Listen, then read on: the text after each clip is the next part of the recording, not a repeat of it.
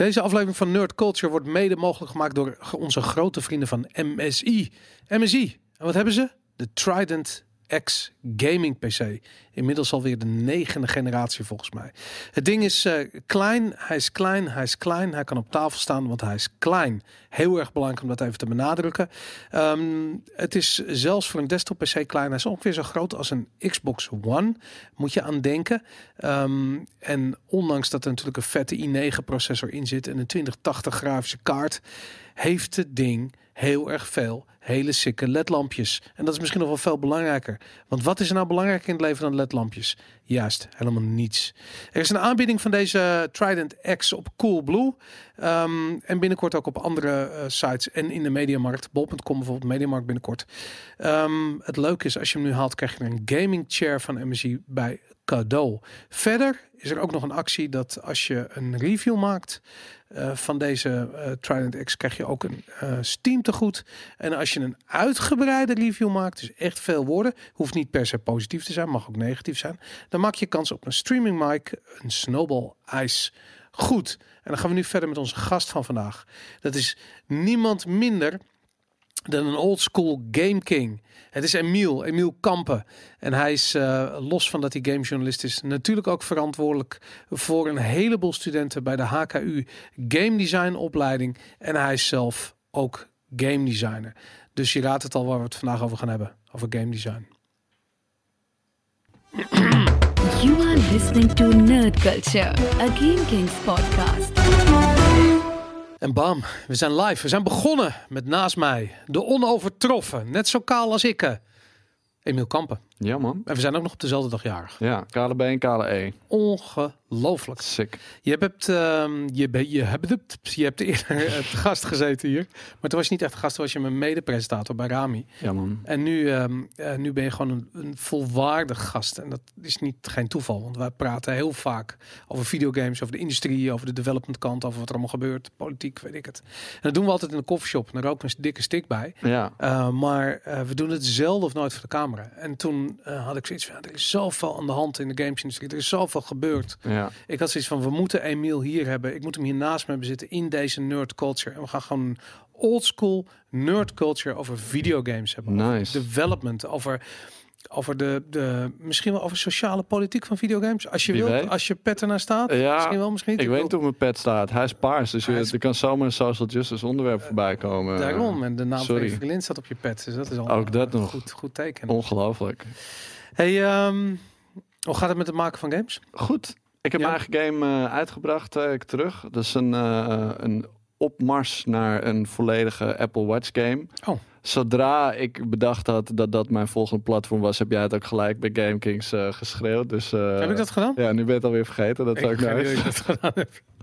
Je gaat een Maar, Apple Watch game eh, maken. ik ga een Apple Watch game maken, want de smartwatch eh, game-industrie is er bijna nog niet. Er zijn geloof ik een handjevol smartwatch games. Terwijl Is dat een levensvatbaar platform? dat, daar ga ik achter komen. Ik ben Maar aan het innoveren. Er is toch onderzoek? Er is weinig onderzoek en er zijn ook weinig goede producten. Er zijn eh, een handjevol producten. Ik denk twintig dingen die je ook echt wel games kan noemen. Mhm. Eh, heel vaak is het een soort van eh, aanhangsel van een mobile game, zeg maar. Oh ja, oké, dat inderdaad. Maar er zijn vorig jaar meer dan 40 miljoen smartwatches verkocht, waarvan Apple meer dan een derde heeft afgezet. Dus ik dacht, daar ga ik beginnen. Dat zijn er dus 12 miljoen. Zoiets. Ehm, en dat groeit alleen maar, want dat is dan de laatste generatie. En daarvoor de jaren is het ook gaan toenemen, zijn het ook eh, miljoenen.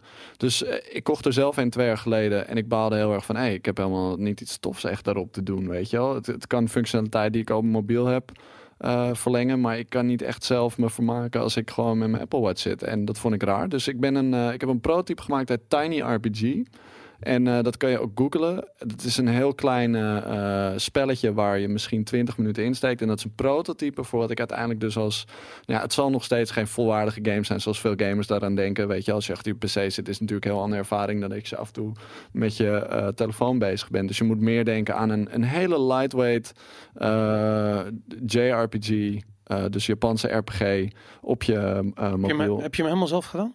Ja, helemaal zelf ontwikkeld. graphics, alles, eh, dat is dan UI. de eerste game die helemaal zelf doet. Of, Nee, nee, shoot, shoot, heb je ook helemaal zelf eh, gedaan. Ja. Ja, dus eh, en mijn oud zakenpartner, want Still Here was dus, eh, eh, dat is de vorige game die ik heb uitgebracht. die heeft het niet zo goed gedaan als dat we hadden gehoopt. Dus toen zijn mijn oud zakenpartner en ik uiteen gegaan.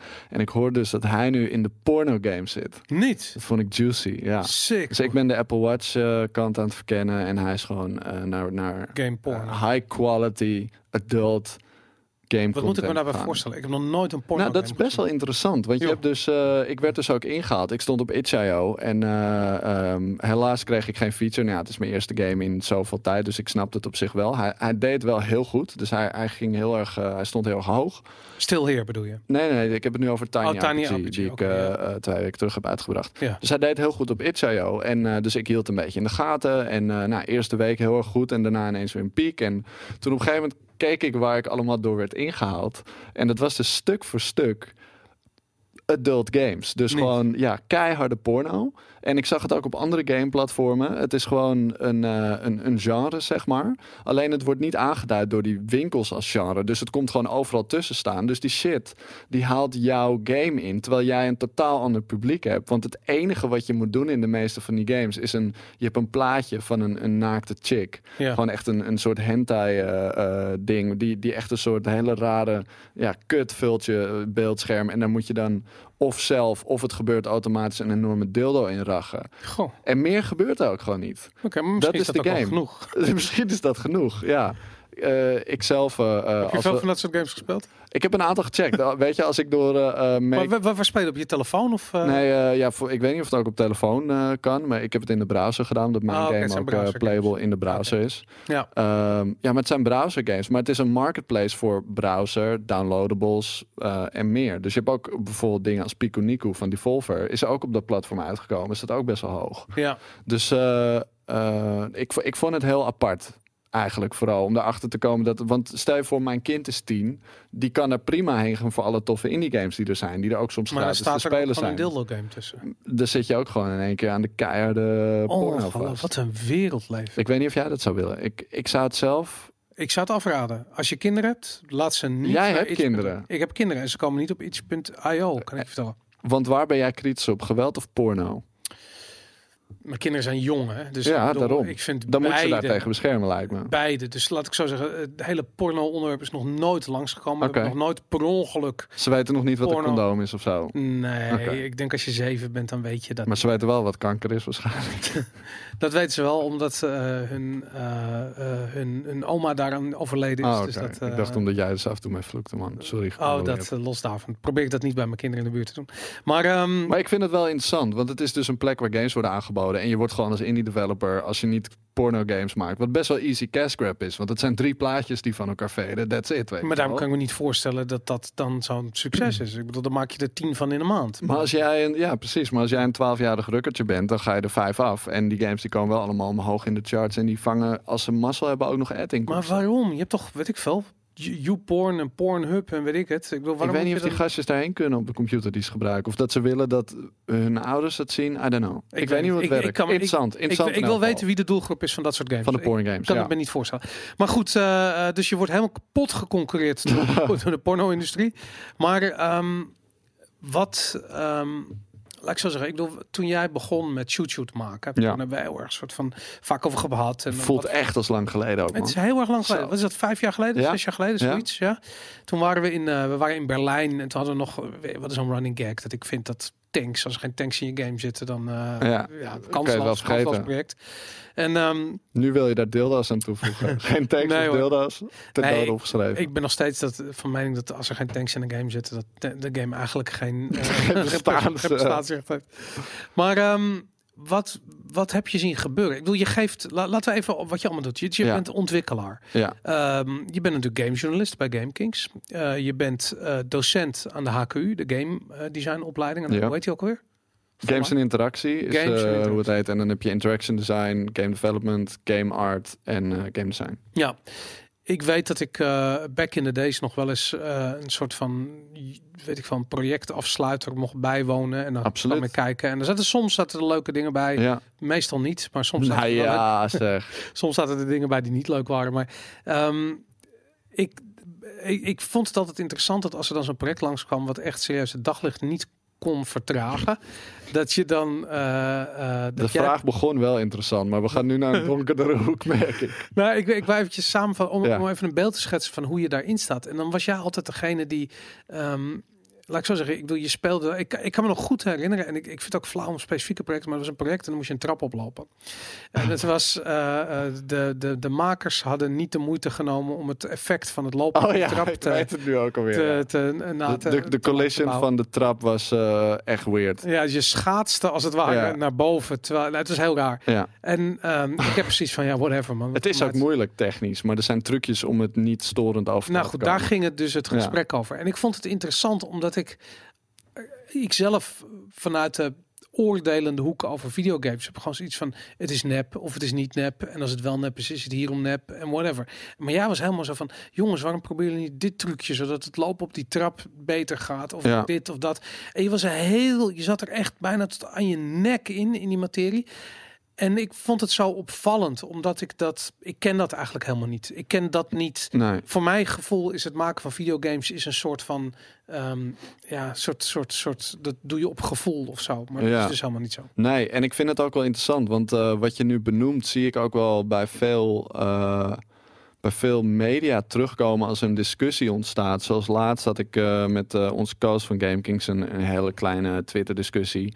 Wat niet echt een discussie is, maar een, een woordenwisseling op Twitter. En het ging vooral over dat Koos boos was eh, over eh, Destiny en eh, wat die allemaal deden en, en EA. En hij vond dus dat developers niet per se eh, mochten klagen op het moment dat ze niet eh, goed behandeld werden door een publisher, want ze zijn er zelf ingestapt. En developers hebben ook schuld hieraan en daaraan. En toen zag ik dat wij een heel ander beeld hadden van developer. Developer voor mediapersoon is gewoon eigenlijk de hele game studio. Maakt niet uit wie de beslissingen neemt, maakt niet uit wat de gevolgen daarvan zijn. Gewoon developer is heel Bungie bijvoorbeeld. Ja, Terwijl als, als je tegen mij zegt developer, dan denk ik aan degene die mijn tips over de trap bijvoorbeeld heel interessant Ja. vindt. Die denkt van ja, hoe kan ik nou echt een goed product maken? En daar zit denk ik een groot verschil tussen. En ik denk ook de, de, de trucjes die je hebt als developer om een game goed te maken. Als je dat allemaal goed doet, is het, het voorbeeld heb ik al vaak gegeven. Je hebt een deur en je gaat er doorheen en je merkt het niet. Dan is het eigenlijk een goede deur.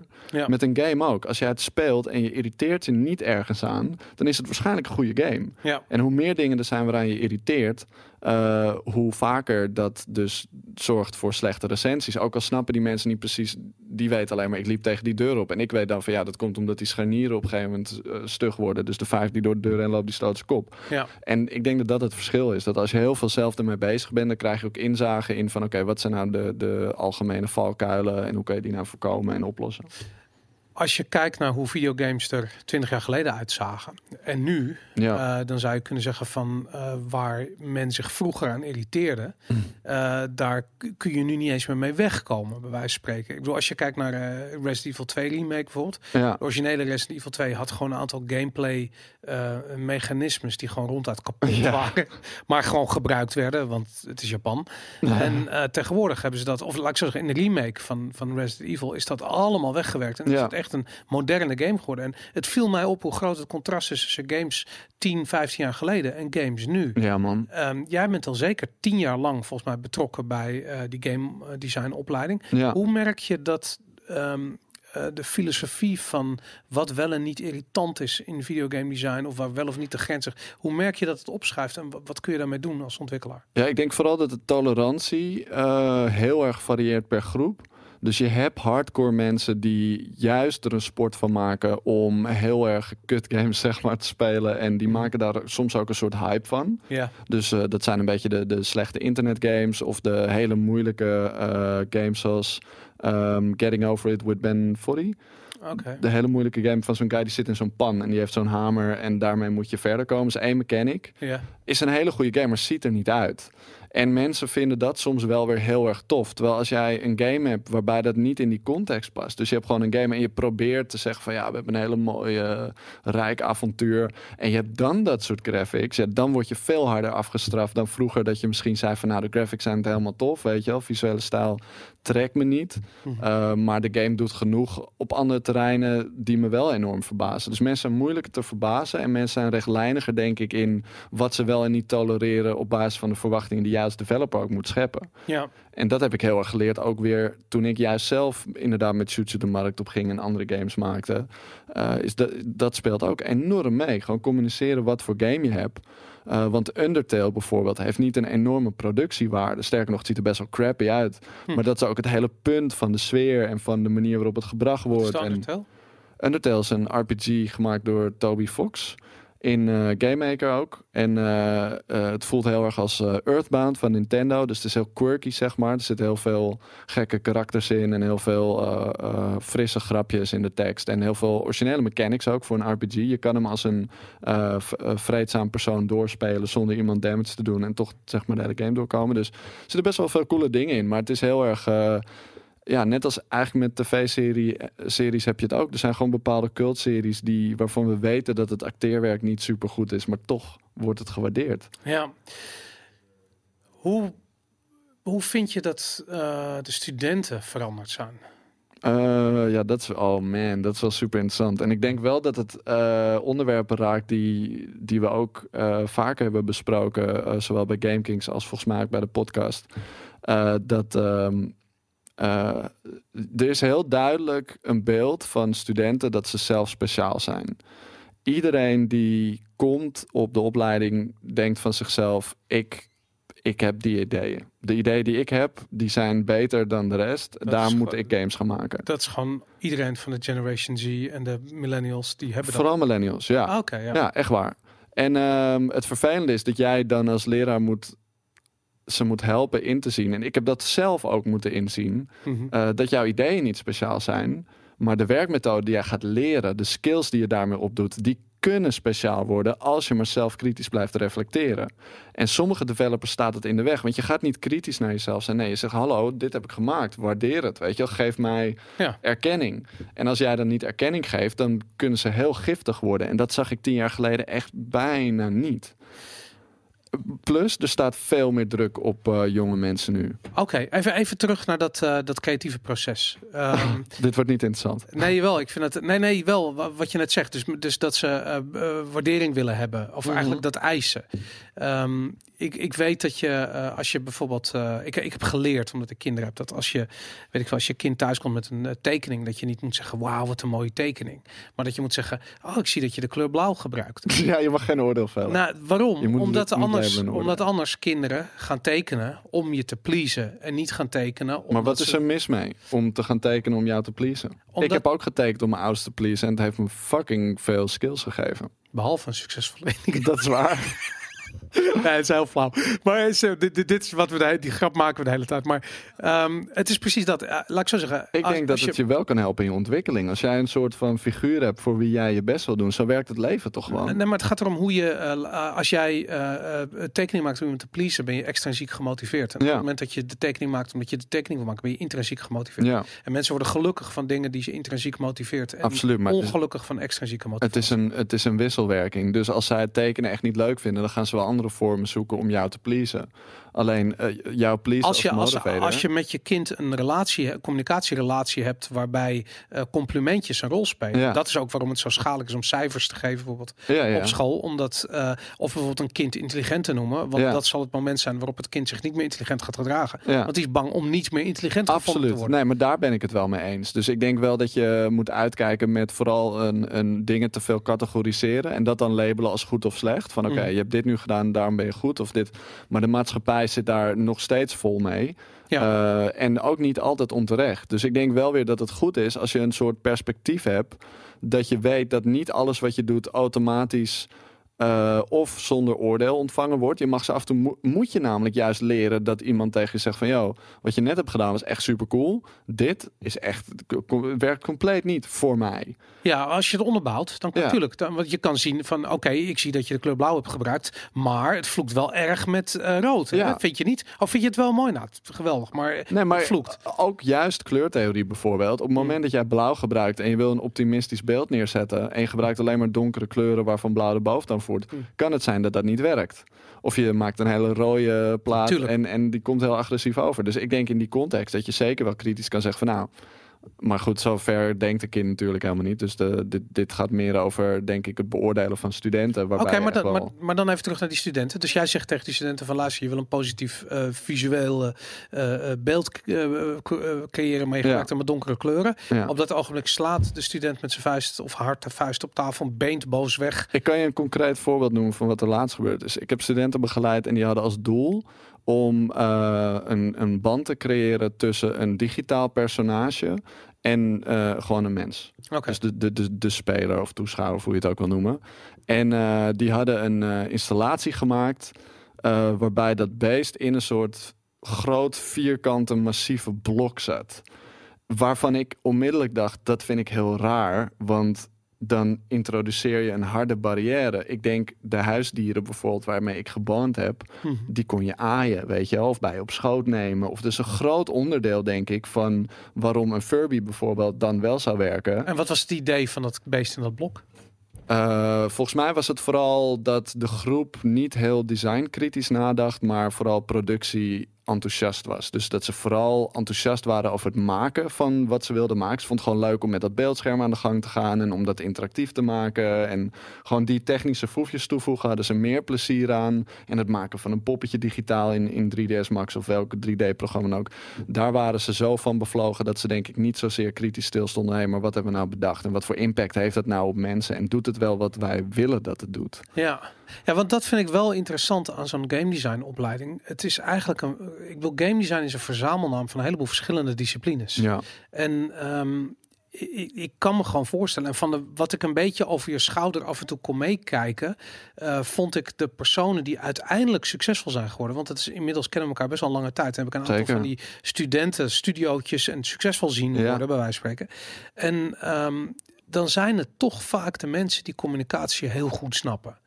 Ehm, Ik denk dat dat een van de belangrijke en dat communicatie ook een ding is van je communiceert met je van met je speler en je je, je game heeft als doel te communiceren of de waardes van de game te communiceren met de speler dat soort dingen. En als ze dat begrijpen, dan komt de rest wel op het moment dat ze die skills ook wel in huis ja hebben. plus dus kritische zelfreflectie.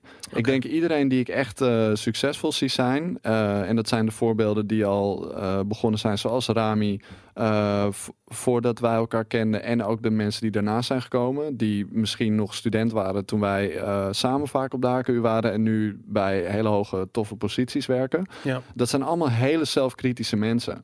Dus die maken iets en die vinden het niet erg als je zegt van hé, hey, maar dit werkt echt totaal niet voor mij. Als een speler dat zegt, dan hebben ze echt zoiets van oh, interessant. Hmm, waar komt dat door? Ja. Eh, want ze hebben zelf een idee bij wat de speler zou moeten voelen of beleven, of wat voor fun ze willen bieden. En als dat niet overeenkomt, dat resultaat van wat zij bieden, dan raken ze niet in paniek. Dan denken ze niet, oh, wat zeg je nou? Oh, vervelend. Maar ze denken, oh, interessant.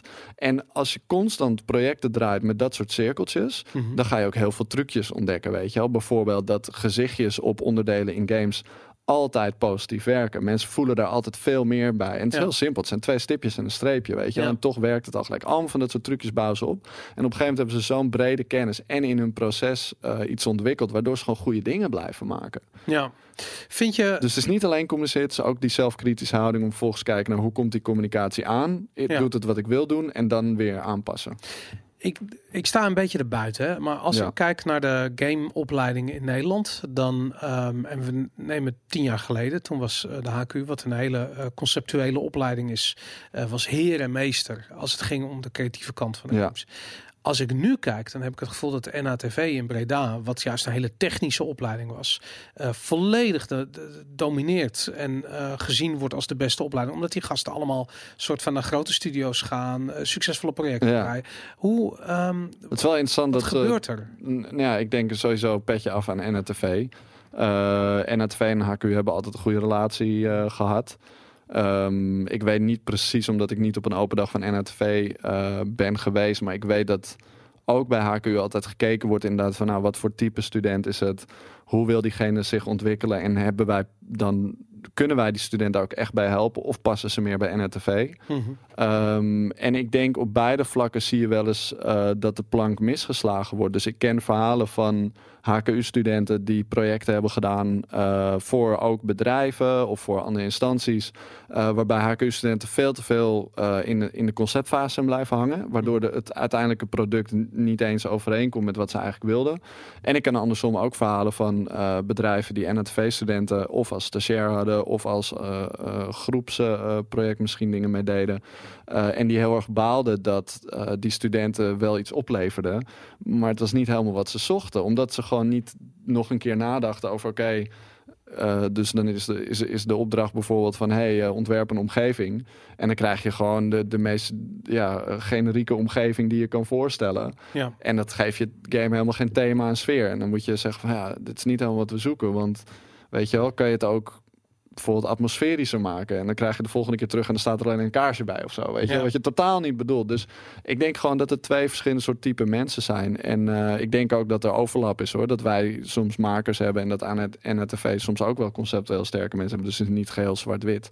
Ja. Um, en ik denk ook dat het, het landschap veel breder is en het nog moeilijker is geworden voor jonge studio's om zich te profileren. Dus ik denk ook waar vroeger HKU een monopoliepositie had en er niet superveel andere gameopleidingen waren, had je natuurlijk zodra mensen bij de HKU vandaan kwamen en mooie dingen deden, dan was dat bekend. En nu, ja, überhaupt uh, denk ik dat de successen die geboekt worden relatief kleiner zijn. De echte smash hits zijn er naar Vlambeer niet meer geweest. Nee.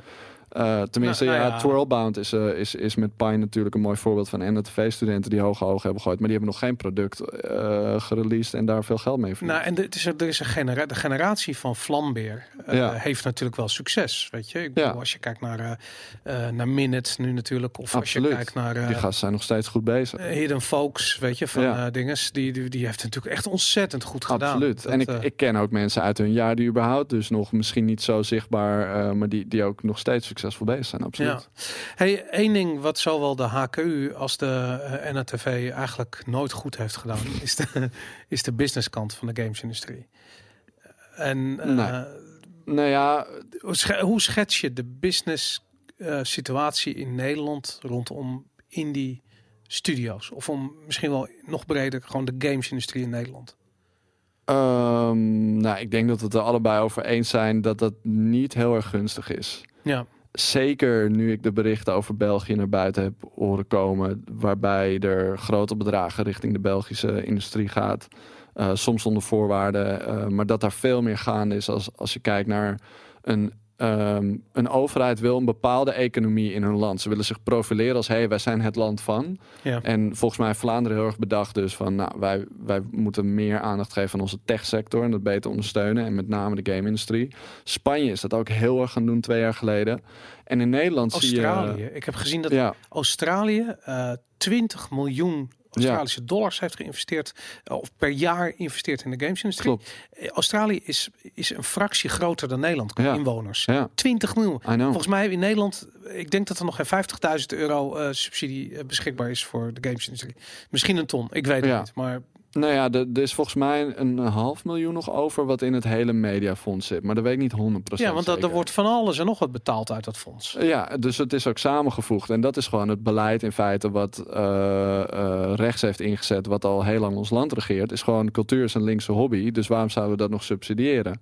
En vanuit die visie denk ik inderdaad, kijk, ik ken heel veel cultuursubsidies die naar projecten zijn gegaan waarvan ik denk dat is echt zonde van het geld. Mm -hmm. Maar als jij VVD bent bijvoorbeeld, steek er dan economisch in. Probeer jezelf als Nederlandse. Uh, uh, maar waarom moet dat bij de VVD? Waarom komt dat niet bij de gamesindustrie vandaan? Dat verbaast me altijd zo. Dat is wel aan het gebeuren. Tenminste, Oh, ja? er, er, is wel uh, gemor in, in de Nederlandse game-industrie. eh, tenminste, ik zit zelf bij bijvoorbeeld de Dutch Game Association, die, Oh, die voor de belangen van. Uh, uh, de, ik heb de brief gisteren gezien die ze geschreven hebben over de lootboxes. Ja. Ja, nou ja, moet je goed. daarvoor betalen om daar lid van te zijn? Ja, dan moet je lidmaatschapsgeld voor Wat betalen, dat? inderdaad. Uh, dat, dat heb ik niet uh, paraat nu. Tientjes werk? 100 euro? Nou, volgens mij daartussen, maar niet superveel. Ongelooflijk. Uh, maar het is uh, wat jij nu ook zegt, die reactie. Uh, ik voel me in elk geval persoonlijk niet heel erg vertegenwoordigd. Er zijn veel kwesties geweest rond games. Eh, of veel instanties waar ik als Nederlandse developer mijn game wilde uitbrengen en bepaalde vragen had. Mhm. Waarbij ik internationaal geholpen werd door mijn eigen netwerk. Maar waarbij ik echt niks had aan zo'n belangenvereniging die eigenlijk dat voortouw voor mij zou moeten nemen. Die zou moeten zeggen Ja. van hey developers, zijn jullie in deze fase van jullie project? Of werk je bij een bedrijf en heb je deze problemen? Kom met ons praten, wij gaan kijken of we daar wat voor kunnen doen. En ik zou het heel fijn vinden als zo'n organisatie ook een direct lijntje met Den Haag heeft. Om daar weer beleid vanuit de overheid op, op vast te stemmen. Dus Nou, weet je wat ik mijn probleem is met de TGA? Is het is een partij die vanuit subsidie betaald wordt, heel erg lang. ja, En op het moment dat jij als eh, gameontwikkelaar een subsidie nodig hebt, of als industrie subsidie, ben je dus aan het concurreren met de belangenorganisatie die jou vertegenwoordigt, wat heel erg raar is. En omdat, als je om diezelfde subsidiestrijd bedoel je. Bij wijze Ja, van spreken. Dat is heel raar inderdaad. en wat er dus ook nog eens een keertje gebeurde, omdat zij subsidie kregen, was de boodschap die ze terug moesten koppelen. hey, wat we doen is fantastisch. En het gaat allemaal supergoed. Ja, precies. Zij hebben tien jaar lang geroepen dat het goed ging in Kortom, zij hebben geen targets gehad in feite. Maar, zij ze, hebben niet maar zij hebben, st- sterker nog, zij hebben meer schade aangericht dat ze ook maar iets voor elkaar brengen. Het enige wat ze gedaan hebben, nee, maar ze hebben alleen maar geld verbrand. Ja. Ze hebben niet eh, daadwerkelijk iets toegevoegd aan eh, het ontstaan van een industrie rond Nee, dat, videogames dat in ben ik met je eens. Maar er is ook nooit een prikkel voor hun geweest. En dat is ook weer mismanagement, denk ik, aan die kant van de overheid, die dan op die manier die geldstromen beheert. Er is nooit een prikkel geweest voor de DGA om wat dat betreft zichzelf te bewijzen. Om echt met harde cijfers te komen of om concrete eh, data te laten zien over de bijdrage die ze hebben geleverd. Mhm. Ehm, en ik denk ook dat dat wel moeilijk is, maar ik denk wel dat je het beter kan regelen. Ik denk dat je echt wel kan zeggen tegen een organisatie van laat ons zien wat jouw bijdrage is geweest, weet je. Ook al is het dat je in de credit staat van een x-aantal Nederlandse games wat uitkomt, die jou persoonlijk bedanken om een bepaalde reden. Uh, maar laat gewoon zien wat voor meerwaarde je hebt geboden. En die, die eis is nooit gesteld. Dus waarom Ja. zouden ze dat ook doen? Ik vind, als ik jou zo hoor praten, vind ik interessant dat je veronderstelt dat er kwaliteit zit bij de overheid. Dat er kennis zit. Oh, helemaal niet. Nee, Dus Ik- nul. Nul, Kennis. absoluut. Maar Ja. ik denk wel dat je uiteindelijk bij een overheid zit omdat je herkozen wil worden. En ik denk als je herkozen wil worden, dat je ervoor moet zorgen dat de economie goed draait. En op een moment dat je in deze de tijd Nederlandse leeft, economie heeft niets met videogames te maken. niet. Maar dat had het wel kunnen hebben. Ja. Als je kijkt naar de techsector, dan werden daar wel stappen in gezet. Ik bedoel, Amsterdam is, als je kijkt naar de infrastructuur van internet, een fantastische locatie. Ja, en het grappige is dat lokaal gezien er wat meer support is voor videogame Absoluut. eh, ontwikkeling. Ja. Eh, eh, Amsterdam, de provincie Utrecht bijvoorbeeld. Ja, Tuurlijk, maar want die zien wel van hey, weet je wel, hier, hier is wel een enorme markt waar we wat mee kunnen. Maar ik denk dat dat, dat soort kleine eh, dingen, daar hebben we het ook wel eens over gehad, die gaan weer met elkaar concurreren. Amsterdam concurreert dan weer met Utrecht en dat soort dingen. Dat wil je absoluut niet eigenlijk, weet je wel. Je wil gewoon kijken hoe je als land dan eh, een streepje voor kan krijgen ten opzichte van de internationale markt. En zelf, doordat ik dus eh, veel in contact met China ben geweest vorig jaar voor mijn Game Still Here, heb ik ook gemerkt dat China daar mega agressief in is, maar wel heel erg. dat levert wel resultaten op. Ja.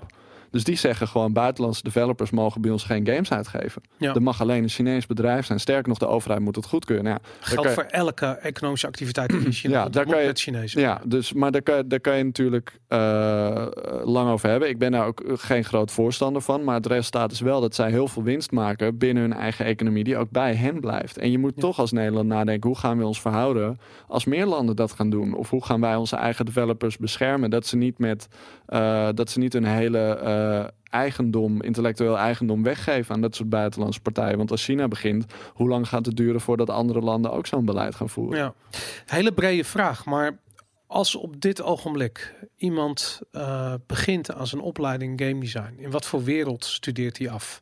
Wat voor soort perspectief heb je als gameontwikkelaar op het moment dat je afstudeert bij de HKU? En ehm, je zou zeggen de wereld ligt aan je voeten, maar ja. wat voor, waar kom je dan in terecht?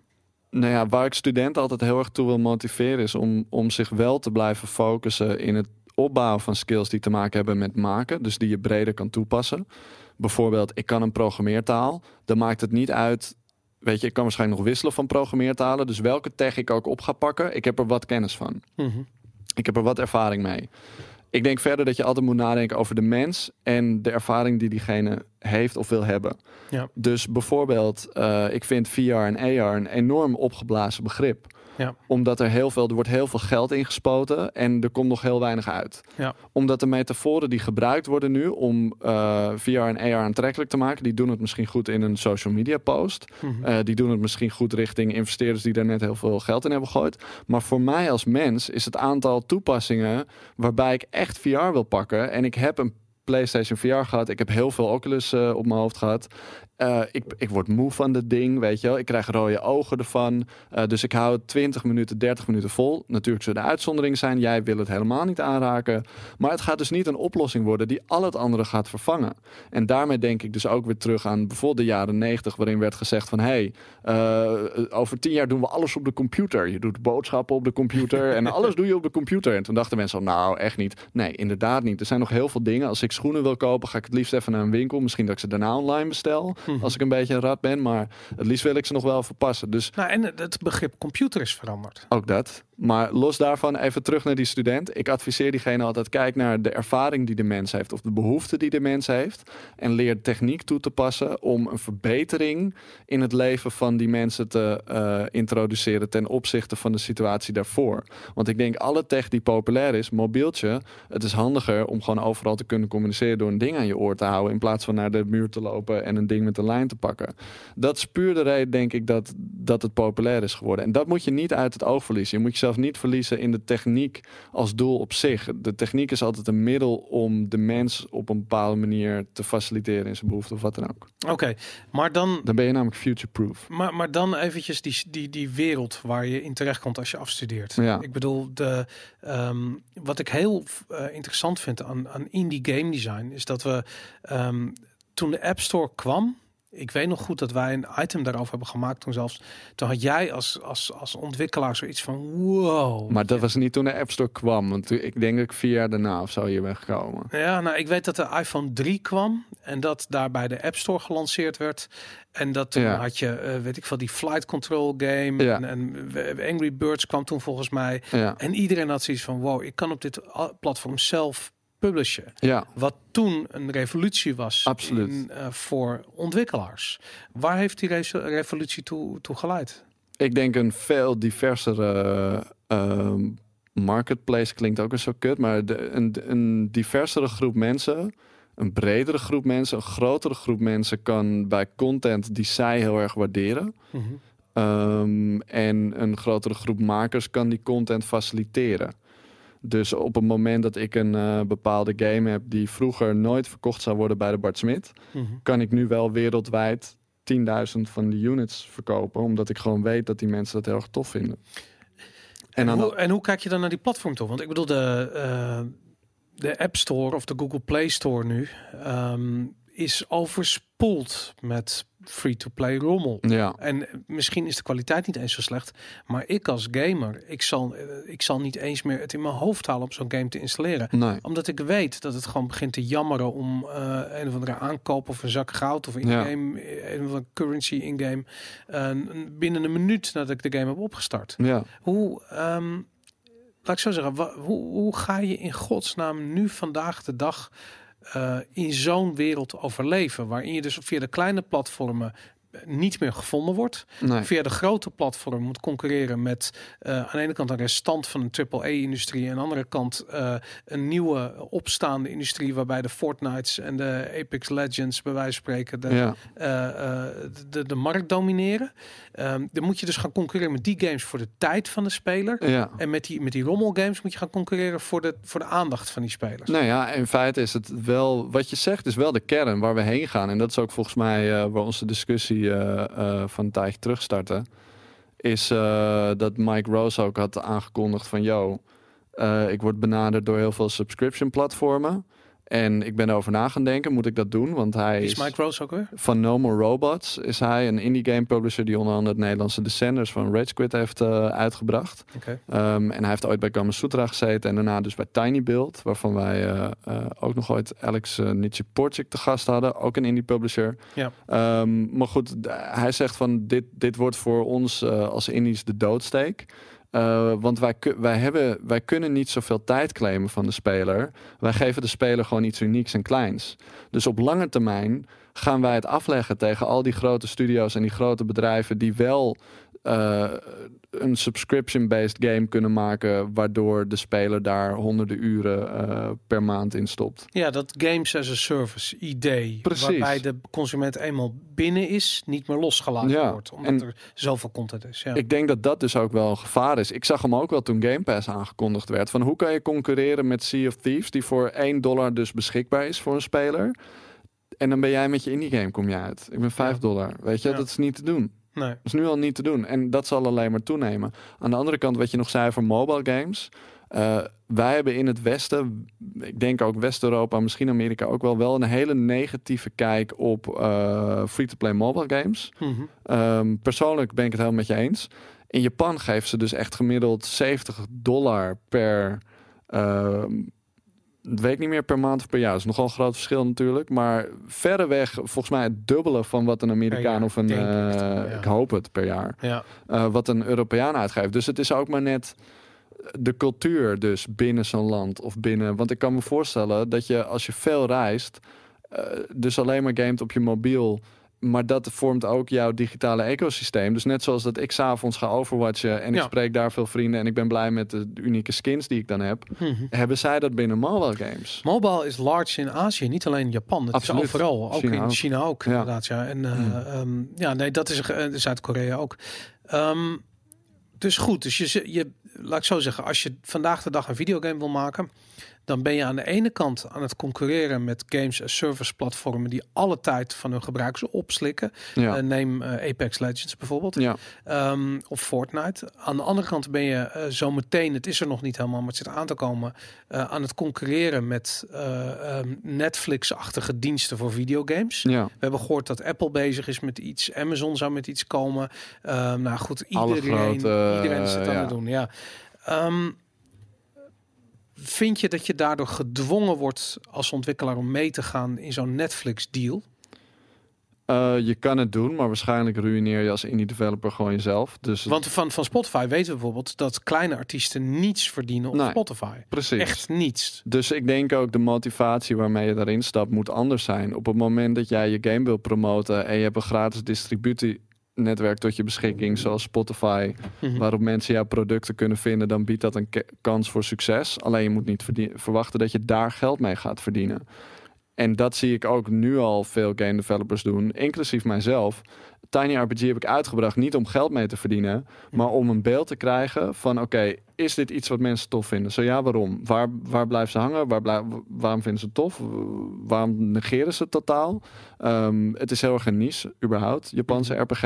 Ik denk dat soort dingen kun je als ontwikkelaar heel goed luisteren, doordat dus distribu of luisteren, ontdekken, doordat eh, distributieplatformen veel eh, ja, eigenlijk heel veel zorgen voor jou uit handen nemen. Namelijk Ja. het verspreiden van je game. Dus het werkt drempelverlagend. Het werkt drempelverlagend, maar aan de andere kant ook eh, waar je. En ik denk dat dat in de, in de historie van, van zowel muziek als van eh, film. Het is altijd een gelimiteerde periode waarin er waarin alle stukjes goed vallen, zodat een jong professional onmiddellijk goed geld kan verdienen. Ja. De dotcom-bubbel was ook zo'n periode. Toen kwam ik net op de HQ, net daarna. En toen gingen er verhalen rond van mensen die dus met een Ferrari wegreden van school vier jaar daarvoor. Ja. Gewoon puur omdat daar toen enorm veel geld in zat. Ik denk met Vlambeer dat zij ook precies tijdens die indie-revolutie... hey, het is mogelijk om als klein team je game te maken... dat wereldwijd uit te brengen en daar dus goed geld mee te verdienen. Zij hebben de juiste golf gepakt. En je ziet nu dat die Op golf weer aan het weg is gegaan. Ridiculous Fishing was letterlijk een van die succesverhalen. Absoluut. In een tijd dat er nog niet zo heel veel goede mobile games waren. ja.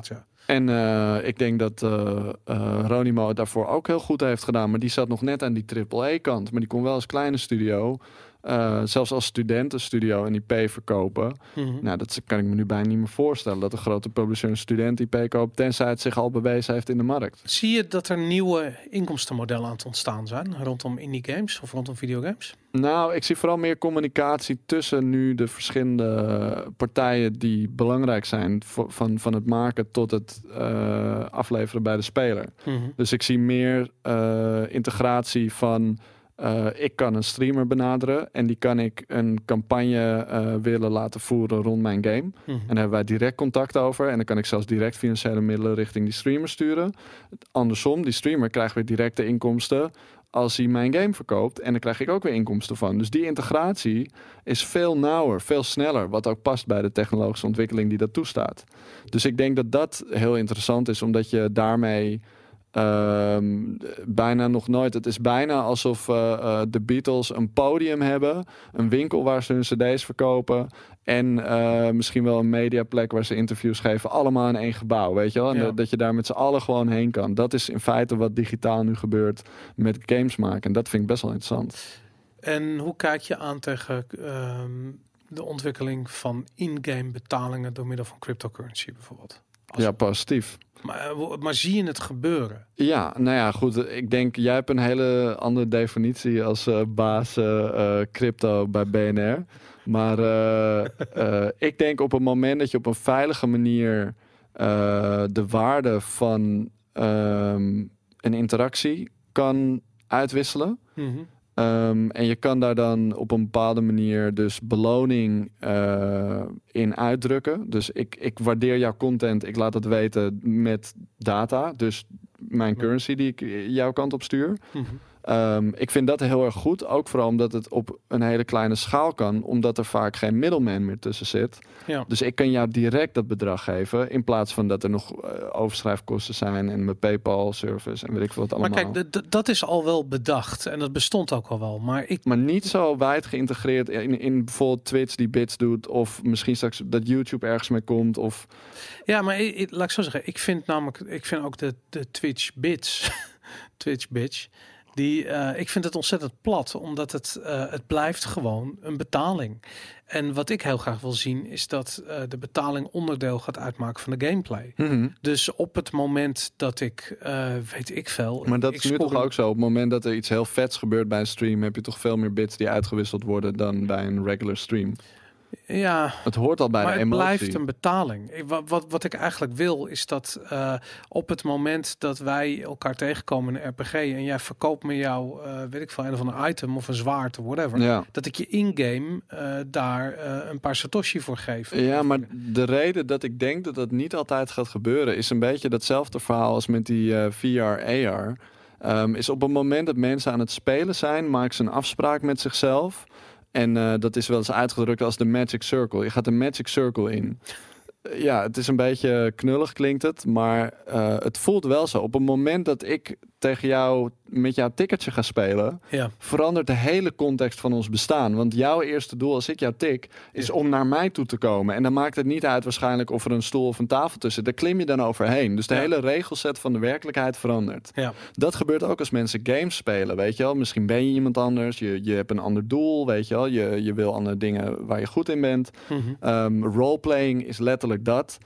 Dus ik denk in die context dat je niet iets wil wat jouw echte ik raakt of niet te veel overlap daartussen wil. Je wil juist die scheiding, want een game voelt chill omdat de consequenties van je, hand, van je handelen minder eh, veel impact hebben op je echte leven. Op het moment dat je dat omdraait en jouw echte leven, ik zou mezelf dus dakloos kunnen maken als ik te enthousiast in een game iets verkeerd doe, dan is die scheidslijn weg. Dus is het ook, wordt een game intensiever, intenser en minder fijn om te spelen. Dus ik denk juist dat die scheiding tussen de werkelijkheid eh, en die, die, die game-werkelijkheid heel erg belangrijk is. En dat het daarom niet altijd een succes gaat zijn als je jouw idee doorvoert. Maar dan heb je het over de waarde van de transactie. En mij gaat het alleen om het versterkende effect van de transactie. Dus als jij zegt van ja, stel je voor wij spelen een potje FIFA tegen elkaar en de winnaar Ja. gaat er met 100 euro en je doet dat tien keer op een avond, ja, dat hakt erin. Ja, Maar ehm, stel dat je dat niet om een euro doet, maar om een satoshi bijvoorbeeld. En 30.000 satoshi is 1 euro. maar het blijft hetzelfde. Niet iedereen gaat bijvoorbeeld, ik ga niet naar een casino omdat ik weet dat ik gewoon dan mezelf in de voet kan schieten. Of mensen die ik ken die wel naar een casino gaan, pinnen niet. Die pinnen één keer, dan gaan ze casino in en dan zijn ze weer weg. Dus ik denk, wat jij zegt kan werken om die emotie te versterken. Maar dan moet, heb je heel duidelijk een poeltje nodig. Waardoor je die ervaring die je hebt binnen die Magic Circle kan afschermen. En ook kan zeggen van nu is het genoeg. Weet je wel, ik heb, ik heb 100 euro verloren klaar. Of Ja. wat voor currency dan ook. Ehm, en anders zie ik het niet werken, omdat die werelden dus dan te veel gaan overlappen. En je echt problemen krijgt ook als je in de speelwereld gedrag doet wat jou in de echte wereld in de problemen brengt. Ja, en als je het hebt, ehm, laat ik zo zeggen, op dit ogenblik heb ik het idee, en ik weet niet hoe jij er tegenaan kijkt, maar ik heb het idee dat alle platformen die je ehm, als indie ontwikkelaar of sowieso als ontwikkelaar ter beschikking hebt om je games op te zetten en te Ja. publishen, die zitten eh, echt behoorlijk agressief in je zak. Weet je, ik bedoel, bedoel je in je zak? nou, ze, ze zijn aan het graaien. Weet je, ze willen, Oh. je, ze willen mee verdienen. Ja, ja, ja. Je bent overal geld kwijt. ja. En ehm, laat ik zo zeggen, de, ehm, vanuit de gedachte van Steam, ik bedoel, die Steam pakt 30% op een verkochte game. Ja. En het maakt ze niet uit of er 100 eh, miljoen eh, indie game ontwikkelaars zijn die allemaal één game één keer verkopen. En daar dus al hun ziel en zaligheid in steken. Of dat er één partij is die 100 miljoen games verkoopt. Dat maakt hun niet uit. Je maakt hem wel uit, want de partij die 100 miljoen games eh, of 100 miljoen zou verdienen aan zijn game, hoeft minder af te dragen aan Steam dan de 100.000 indie developers. Dus je zou zeggen van Steam heeft er belang bij dat de indie ontwikkelaars goed ten, eh, tot hun recht komen op hun platform. Nee, Steam heeft er vooral belang bij als zij. Ik denk dat zij relatief het minste kosten maken als ze één account hebben met één game die heel veel verdient. Ten opzichte van duizend accounts die allemaal één euro Ja, dat denk ik ook. Dat denk ik ook. Dus wat, dus wat, zij zouden liever willen dat een paar developers succesvol zijn dan dat iedereen een beetje succesvol is. Ja, oké. Ik, ik heb daar namelijk. Serieus, dan heb je. een- Dus het probleem wordt alleen maar groter. Er is een incentive voor dat soort partijen om je binnen te halen. Ja, Maar er is geen incentive voor dat soort partijen om te gaan rennen voor je. nee. En ik vind het heel erg lijken op de traditionele uitgever. Ja. Games uitgevers, boeken uitgevers, Absoluut. platen uitgevers. Het is allemaal hetzelfde. Ze beloven je de wereld. ja. En uiteindelijk als puntje bij paaltje komt, dan doen ze geen reet voor je. Weet je, ze, Nee. ze doen geen marketing, geen PR. eh, ligt er heel erg aan wat voor game jij bent. Want zij. eh, maar we gaan eens door. Wat voor game ben je dan? Nou, ik zie een heel duidelijk verschil. eh, en ik, ik hoor ook veel verhalen van indie developers. eh, afhankelijk van wat voor titels ze hebben. Als een game zichzelf al redelijk bewezen heeft. ehm, maar een developer wil gewoon niet de moeite nemen. Die heeft geen zin om iedereen te mailen of weet ik veel wat. Mhm. Ehm, en ze gaan dan met een publisher in zee. Dat werkt heel goed. Want Ja, dat snap ik. de publisher gaat al dat vervelende werk doen. En die game liep eigenlijk toch al. Maar Dus- dat bedoel ik, maar, maar dan heb je het al. Maar stel je voor dat je begint. Je hebt een nieuwe game, een nieuw project. Ja, En je moet, je moet die visieuze cirkel doorbreken. Nou ja. voor je rennen als het niet wat oplevert. Nee, maar levert niks op als niemand voor je rent. Ik, ik denk ook dat een, een kut game om daarvoor te gaan rennen, gaat je nooit wat opleveren. Terwijl een mediocre tot goede game daarvoor gaan rennen. Het, het, is, het hangt heel erg dus samen met die kwaliteit in hoeverre dat effect heeft. Dus ik denk, Mhm.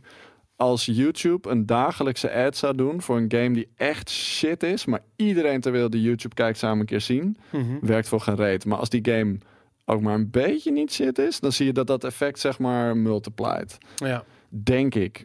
Eh, ik heb, we hebben die test niet gedaan, maar zo voelt het heel erg qua marketing. Ehm, Hoe zou je Apex Legends en het, en het succes daarvan verklaren? Ehm, Ik bedoel, we, we kregen letterlijk een. er zijn zoveel dingen daar goed gegaan, man. Maar wat ik bedoel, op vrijdag kregen we gerucht dat er op maandag een game uitkwam. Ja, Op, op, op zondagavond werd het gerucht bevestigd en maandag was de game dan. ja. Wat is Maar goed gegaan? ze hebben sowieso denk ik de juiste influencers benaderd, waarvan ze weten dat die doelgroepen ook houden van Battle Royale en eh, eh, dat die die content graag consumeren. Eh, ze hebben denk ik binnen Apex Legends een aantal slimme designbeslissingen genomen. Mhm. Dat je mensen kan resurrecten. De banners, dus de performance kan je zien in de game.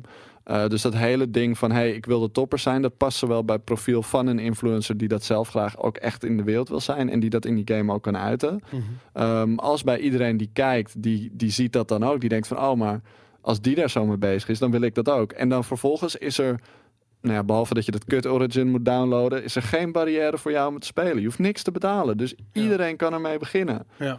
En ja, ik vind dat best wel briljant. Plus, wat ik ook denk, is dat Titanfall best wel veel goodwill had van mensen. Ja. Maar Titanfall 2 gewoon in echt een kutperiode is uitgekomen. En dat EA er echt fuck all marketing in heeft gestopt. Waardoor een hele goede game heel erg geflopt is. Ja. Ik denk dat dat ook meespeelde. Dat mensen zoiets hadden van... Hey, ik heb niet Titanfall 2 gekocht. Ik vond Respawn wel heel dope.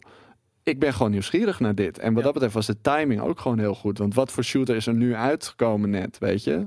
Nou ja, ik vind, Niks. ik, ik vind de timing eigenlijk eh, eh, goed per toeval. Want eh, eind van de week komt Metro uit. Precies. We hebben Far Cry New Dawn die bij wijze Maar dat hebben ze gepland, weet Ja? je? Ja, tuurlijk. Ze hebben gekeken van, oké, wa- wanneer is de grootste gap? Dus de grootste droogte. En dan vlak voordat de rest komt, dan droppen we. Ja, nou misschien hebben ze dat ook wel. Ik moet zeggen dat ik, ik vind Apex Legends heel goed, maar hij voelt niet in elk opzicht helemaal af. Het voelt echt als een, een beta-game. Ja, Ja. absoluut. Dus, Ja. dat, dus misschien wat dat betreft hebben ze het ook wel een klein beetje gerust. Ik denk wel dat ze de alles wat er in deze periode uitkomt volledig uit het water blazen. Ja, En omdat dat denk ik ook. en dat, ik moet zeggen, ik vind het wel grappig, omdat heel veel van die grote uitgevers, ik weet dat die eh, doen, eh, een jaar van tevoren doen ze een analyse. Wie komt eruit op die datum? Dat, Maar ze hebben EA bijna volledig buiten de deur gehouden Ja. hè? In, in de beslissingsprocessen dat rond de launch van knap. deze Hoe krijg je dat voor elkaar? Ja, gewoon als AAA-developer ga je indie in feite terwijl je wel vastzit aan een eh, EA. Wat, wat, Wat- is de rol van EA geweest dan nog bij, eh, bij, bij, bij Respawn? Puur volgens mij publishing, als in eh, ze hebben deze titel een plek op Origin gegeven en, en de minimale publisher eh, dingen. Zeg maar. Ze, hebben, ze hebben geen marketingcampagne gedaan. Maar financiering. ja, en financiering van de studio waarschijnlijk Ja. inderdaad. Ja. Maar en heb je niet zo. Ik bedoel, als je al die dingen eh, bij elkaar optelt, dan denk ik dat de financiering het belangrijkste onderdeel is geweest van wat ze hebben bijgedragen aan Respawn. Ja. En ik vraag me af of niet grote uitgevers, zoals bijvoorbeeld Activision en EA en Ubisoft, niet toe aan het groeien zijn naar een model waarbij ze eigenlijk in die eh, projecten aan het financieren zijn. Eh, in plaats en mee eh, delen in het succes. In plaats van dat ze gaan proberen om die hele shit in huis te doen. En Ja. die, die hele berg ellende op zich af te, op zich af te roepen. Eh, En dan heb je het over de double-A-titels, zeg maar, die ze dan in-house proberen te maken. Of wat? maar ik, ik vind het moeilijk om er per se een oordeel aan te geven. Kijk, Zeg maar de titels die niet de hoogste productiewaarde hebben van wat ze in hun portfolio allemaal hebben. weet je, dat is het hele. Dat is misschien wel de essentie van ons gesprek over indie. Is Ja. dat de hele definitie van het woord indie is aan het veranderen. Weet je, als je al vijf jaar geleden waren wij op de Gamescom en had Sony had een indie booth eh, gebouwd en daar zag je gewoon letterlijk allemaal gepixelde indie games. Weet je, Ja. dat was gewoon bijna. Je kon bijna van tevoren verzinnen wat voor soort games dat waren. Ja. Tegenwoordig, wat zijn de indie games? Weet je, Fortnite is een indie game. Eh, ehm, de- misschien, eh, hoe heet het? Nou, Ja, nee, maar weet je, de, Ja. indie zei iets over de grootte van het project, de financiële grootte van het project en, en de. Ik denk Eh, vooral over de creatieve zelfstandigheid van de maker. Die juist inderdaad zoiets had met die modellen van een publisher van ja, fuck die shit. Oké, maar die, ik dus maak die- gewoon een vette game waar ik zin in heb, wat ik mis. En eh, ik ga ervoor. maar die creatieve zelfstandigheid, die zei dat vroeger bracht dat met zich mee dat je geen geld had, want dan moest je het allemaal zelf doen. Tegenwoordig zie je, ik wil kijk naar Cyberpunk, Ja. dat is gewoon een indie game. Hoe je het ook went of keert, er werken duizend man ja. op een indie game. ja. Ik bedoel, dat is creatieve zelfstandigheid. Maar het is gefinancierd door iemand.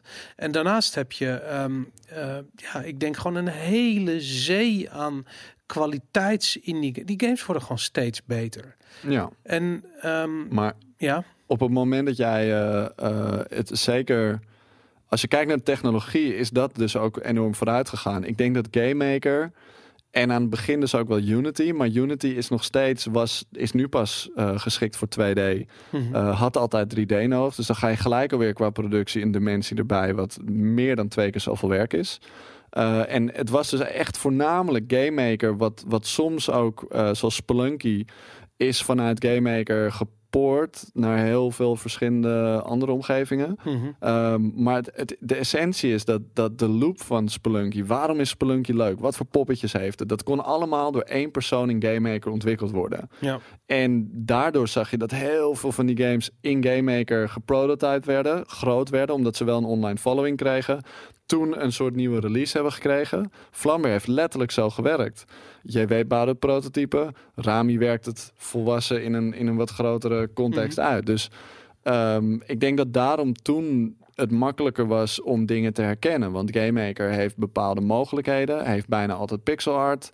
Tegenwoordig ook al niet meer, maar dat was toen zo. Mhm. Ehm, dus Game Maker had heel veel eigenschappen waardoor je zag het is door één of misschien drie man gemaakt.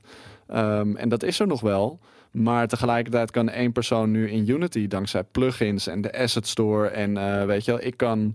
eh, ik heb laatst letterlijk in drie dagen eh, mijn visueel mooiste game ooit gemaakt. Terwijl ik dat tien jaar geleden ook echt niet had kunnen doen of vijf jaar. Omdat ik ook heel veel functionaliteit heb gekocht weer. Wat trouwens ook weer een enorme inkomstenbron is voor veel developers. Die schrijven niet alleen maar voor hun eigen game een shader, waardoor je sikke trails hebt. Nee, die zetten gewoon een shader package dan ook op de asset store in Unity. En elke developer ter wereld kan onmiddellijk hele vette particles maken. ja. En die ontwikkeling zor- zorgt denk ik er ook voor dat die lijnen blurren en dat je niet zo goed meer weet. Eh, een, een AAA-studio kan misschien twee maanden iemand aan het werk zetten om technologie te ontwikkelen die alleen zij kunnen gebruiken.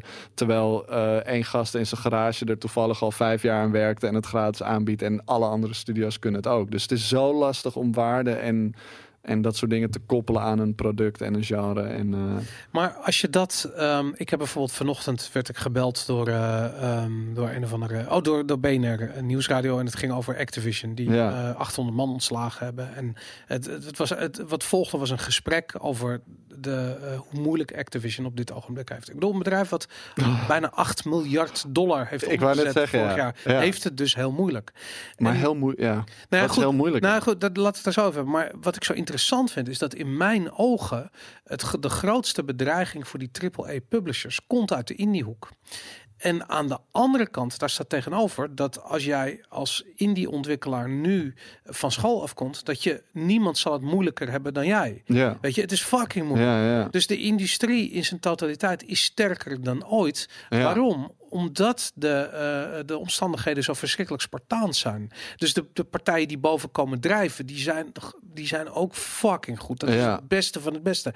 Wat er ondertussen allemaal, al die kinderen die verzuipen in zee, omdat ze Ja, dat zie je niet. Maar dat is letterlijk aan de hand. Ik heb studenten namelijk gezien eh, die sommigen gaan dan richting AAA. je. Mhm. Eh, en ik heb al die gasten natuurlijk ook in mijn Instagram en mijn Twitter en mijn nou, Facebook gebruik ik niet meer, maar op mijn social kanalen, LinkedIn dan.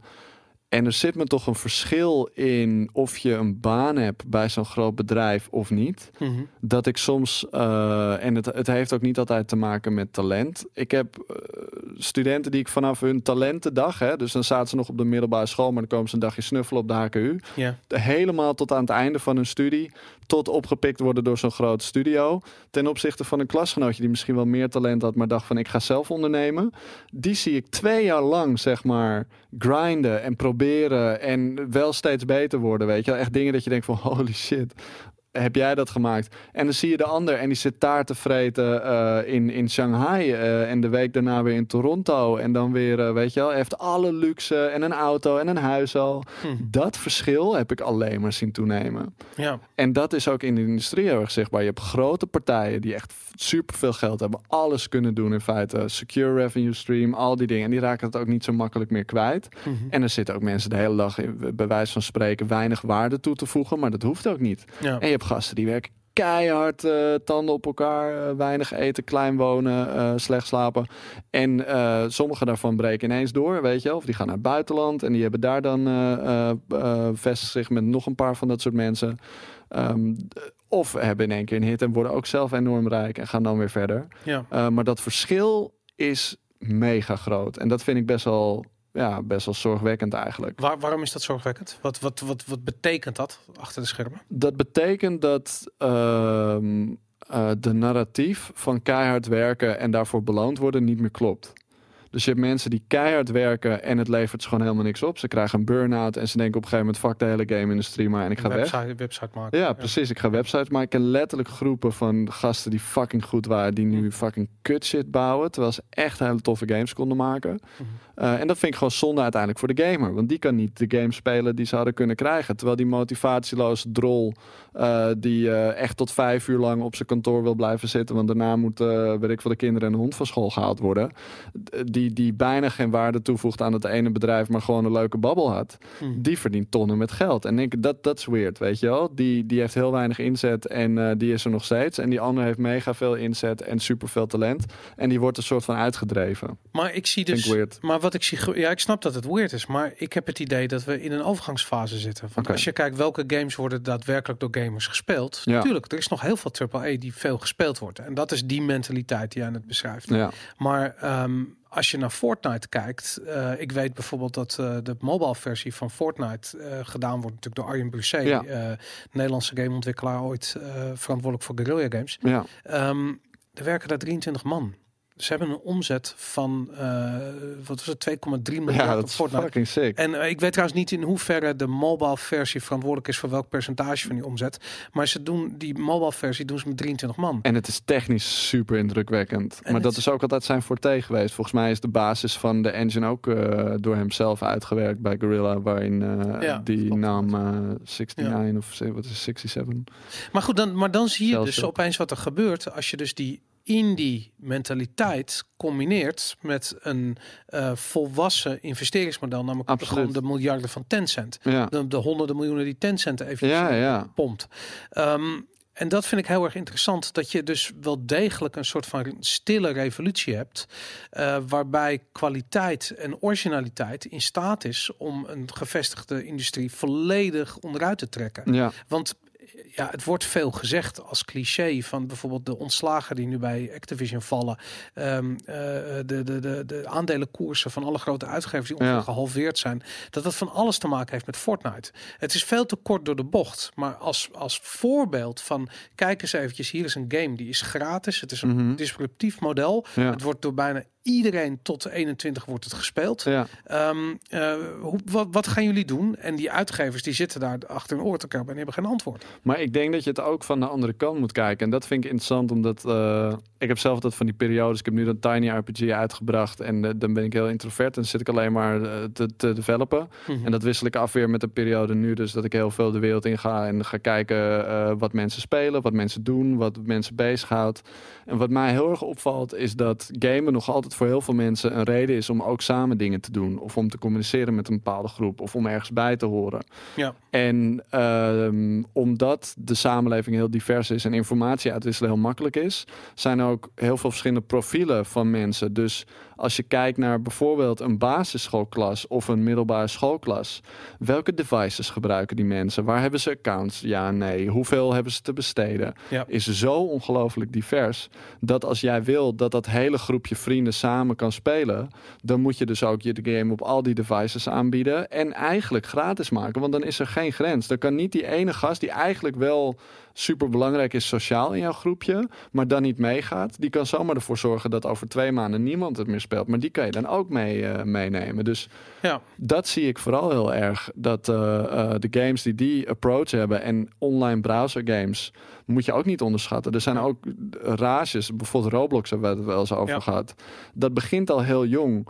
Met, heel, met een hele lage tot geen drempel. En dat betekent ook dat die gasten die, die worden steeds ouder. Die kennen dat dan, weet je wel. En die, die gaan ook verwachten dat je gewoon gratis op elk platform met iedereen dat kan doen. En ik denk dat heel veel mensen die al heel lang in de industrie zijn, die zien dat niet. Nee. Die zien niet dat het vroeger gewoon één groep was en die had allemaal een Game Boy. Dus het was makkelijk. Je bracht een Game Boy eh, game uit en eh, als je hem korting gaf, dan had sowieso iedereen hem. Dat dat nu veranderd is naar nee, mensen hebben zoveel verschillende devices, game op zoveel verschillende manieren.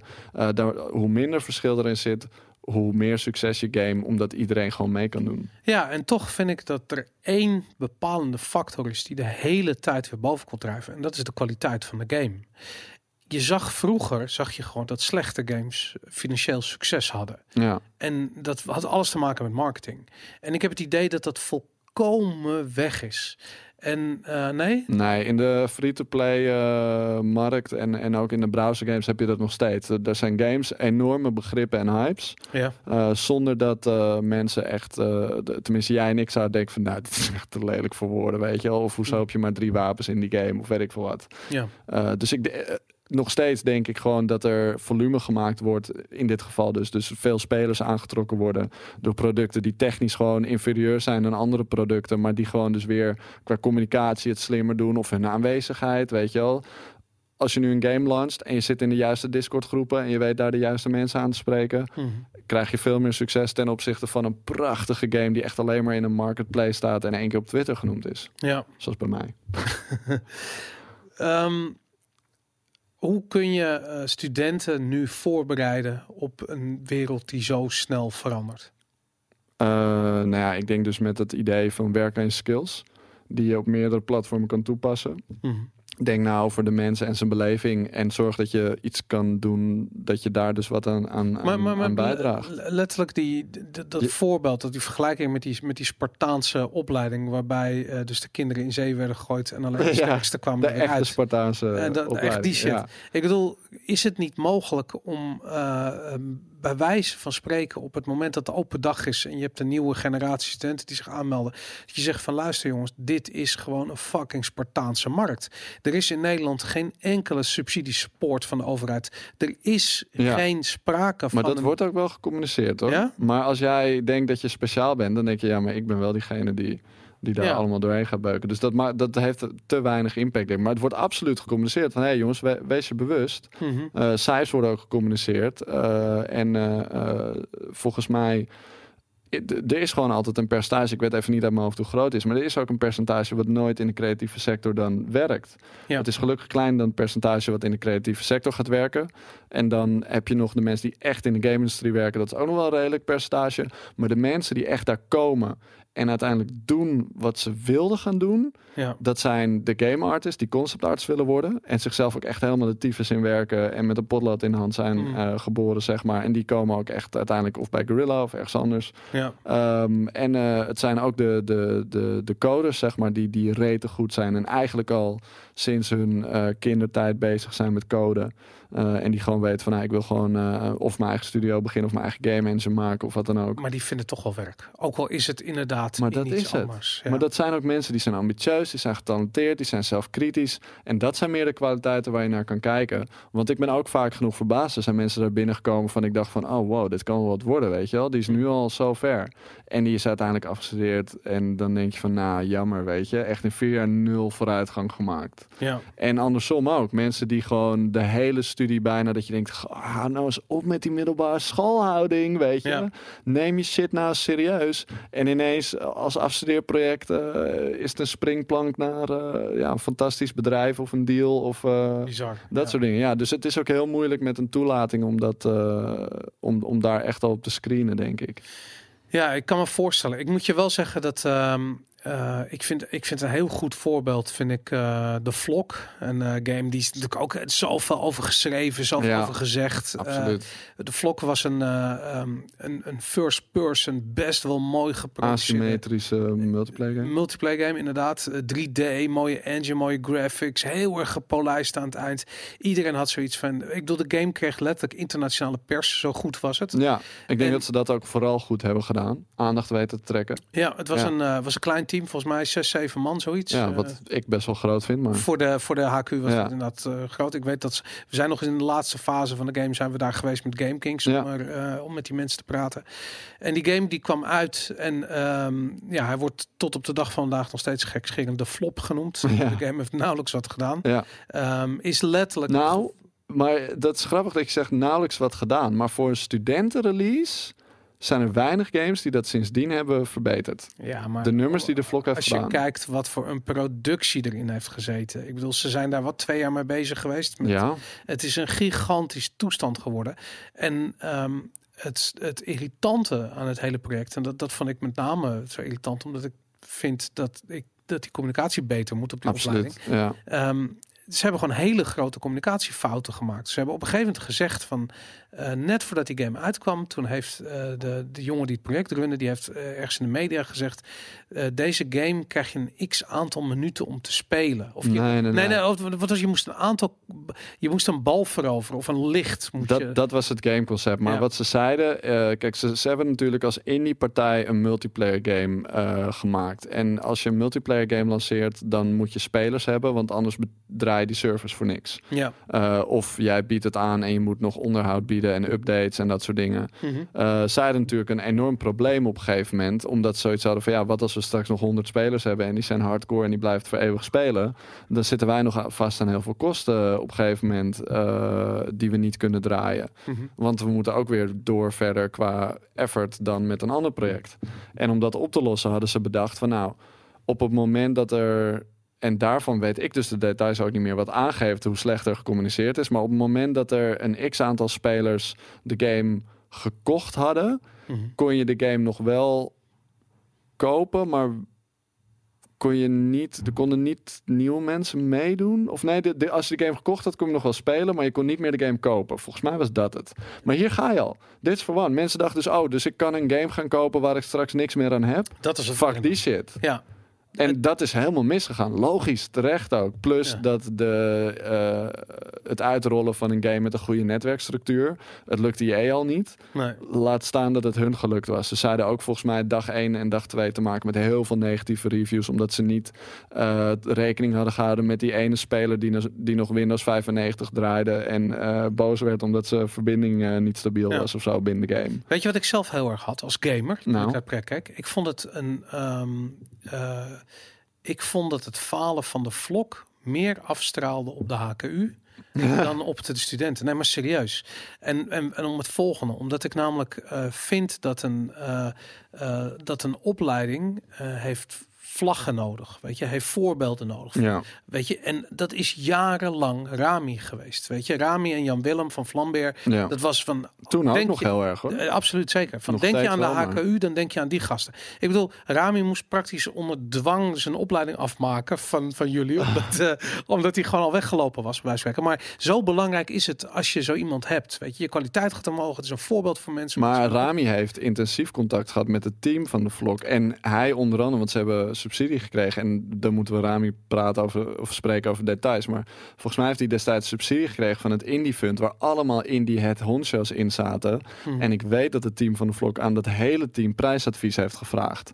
Eén van de dingen waardoor ze op hun bek gaan. Dus als jij zegt van ik mis de betrokkenheid van die personen bij zo'n studententeam, dat is niet waar. Nou, laat ik zo zeggen. Want die ondersteuning hebben ze daadwerkelijk gehad van Ja. professionals uit de industrie. Nou ja, maar dat zegt dan, he- laat ik zo zeggen, net als dat het falen van de vlog iets zegt over de HKU, zegt het ook wat over de gamesindustrie en eh, in zijn totaliteit Maar het dat gebrek komt, aan kennis. nee, het Nederland. komt door onze perceptie als mensen om alleen maar te kijken naar de, de, de survivors bias. Je kijkt naar wat succesvol is en je denkt dat als jij dat ook toepast, dat jij dan ook succesvol wordt. Terwijl zo werkt het niet. Nee. Het is gewoon dat voor jou in een bepaalde situatie, dat jij met een bepaalde skillset en bepaalde dingen doet, kan het klikken en dan ga je als een malle. Mhm. Maar dat betekent niet dat als jouw buurman dat een week later doet, jouw buurman die een andere context heeft, andere contacten en weet ik veel wat, dat hij precies datzelfde gaat eh, eh, eh, ervaren en bereiken. En het probleem met, met professionals vanuit de industrie en ook iets waar ik rekening mee probeer te houden als docent, is dat ik kan mijn eigen ervaringen delen,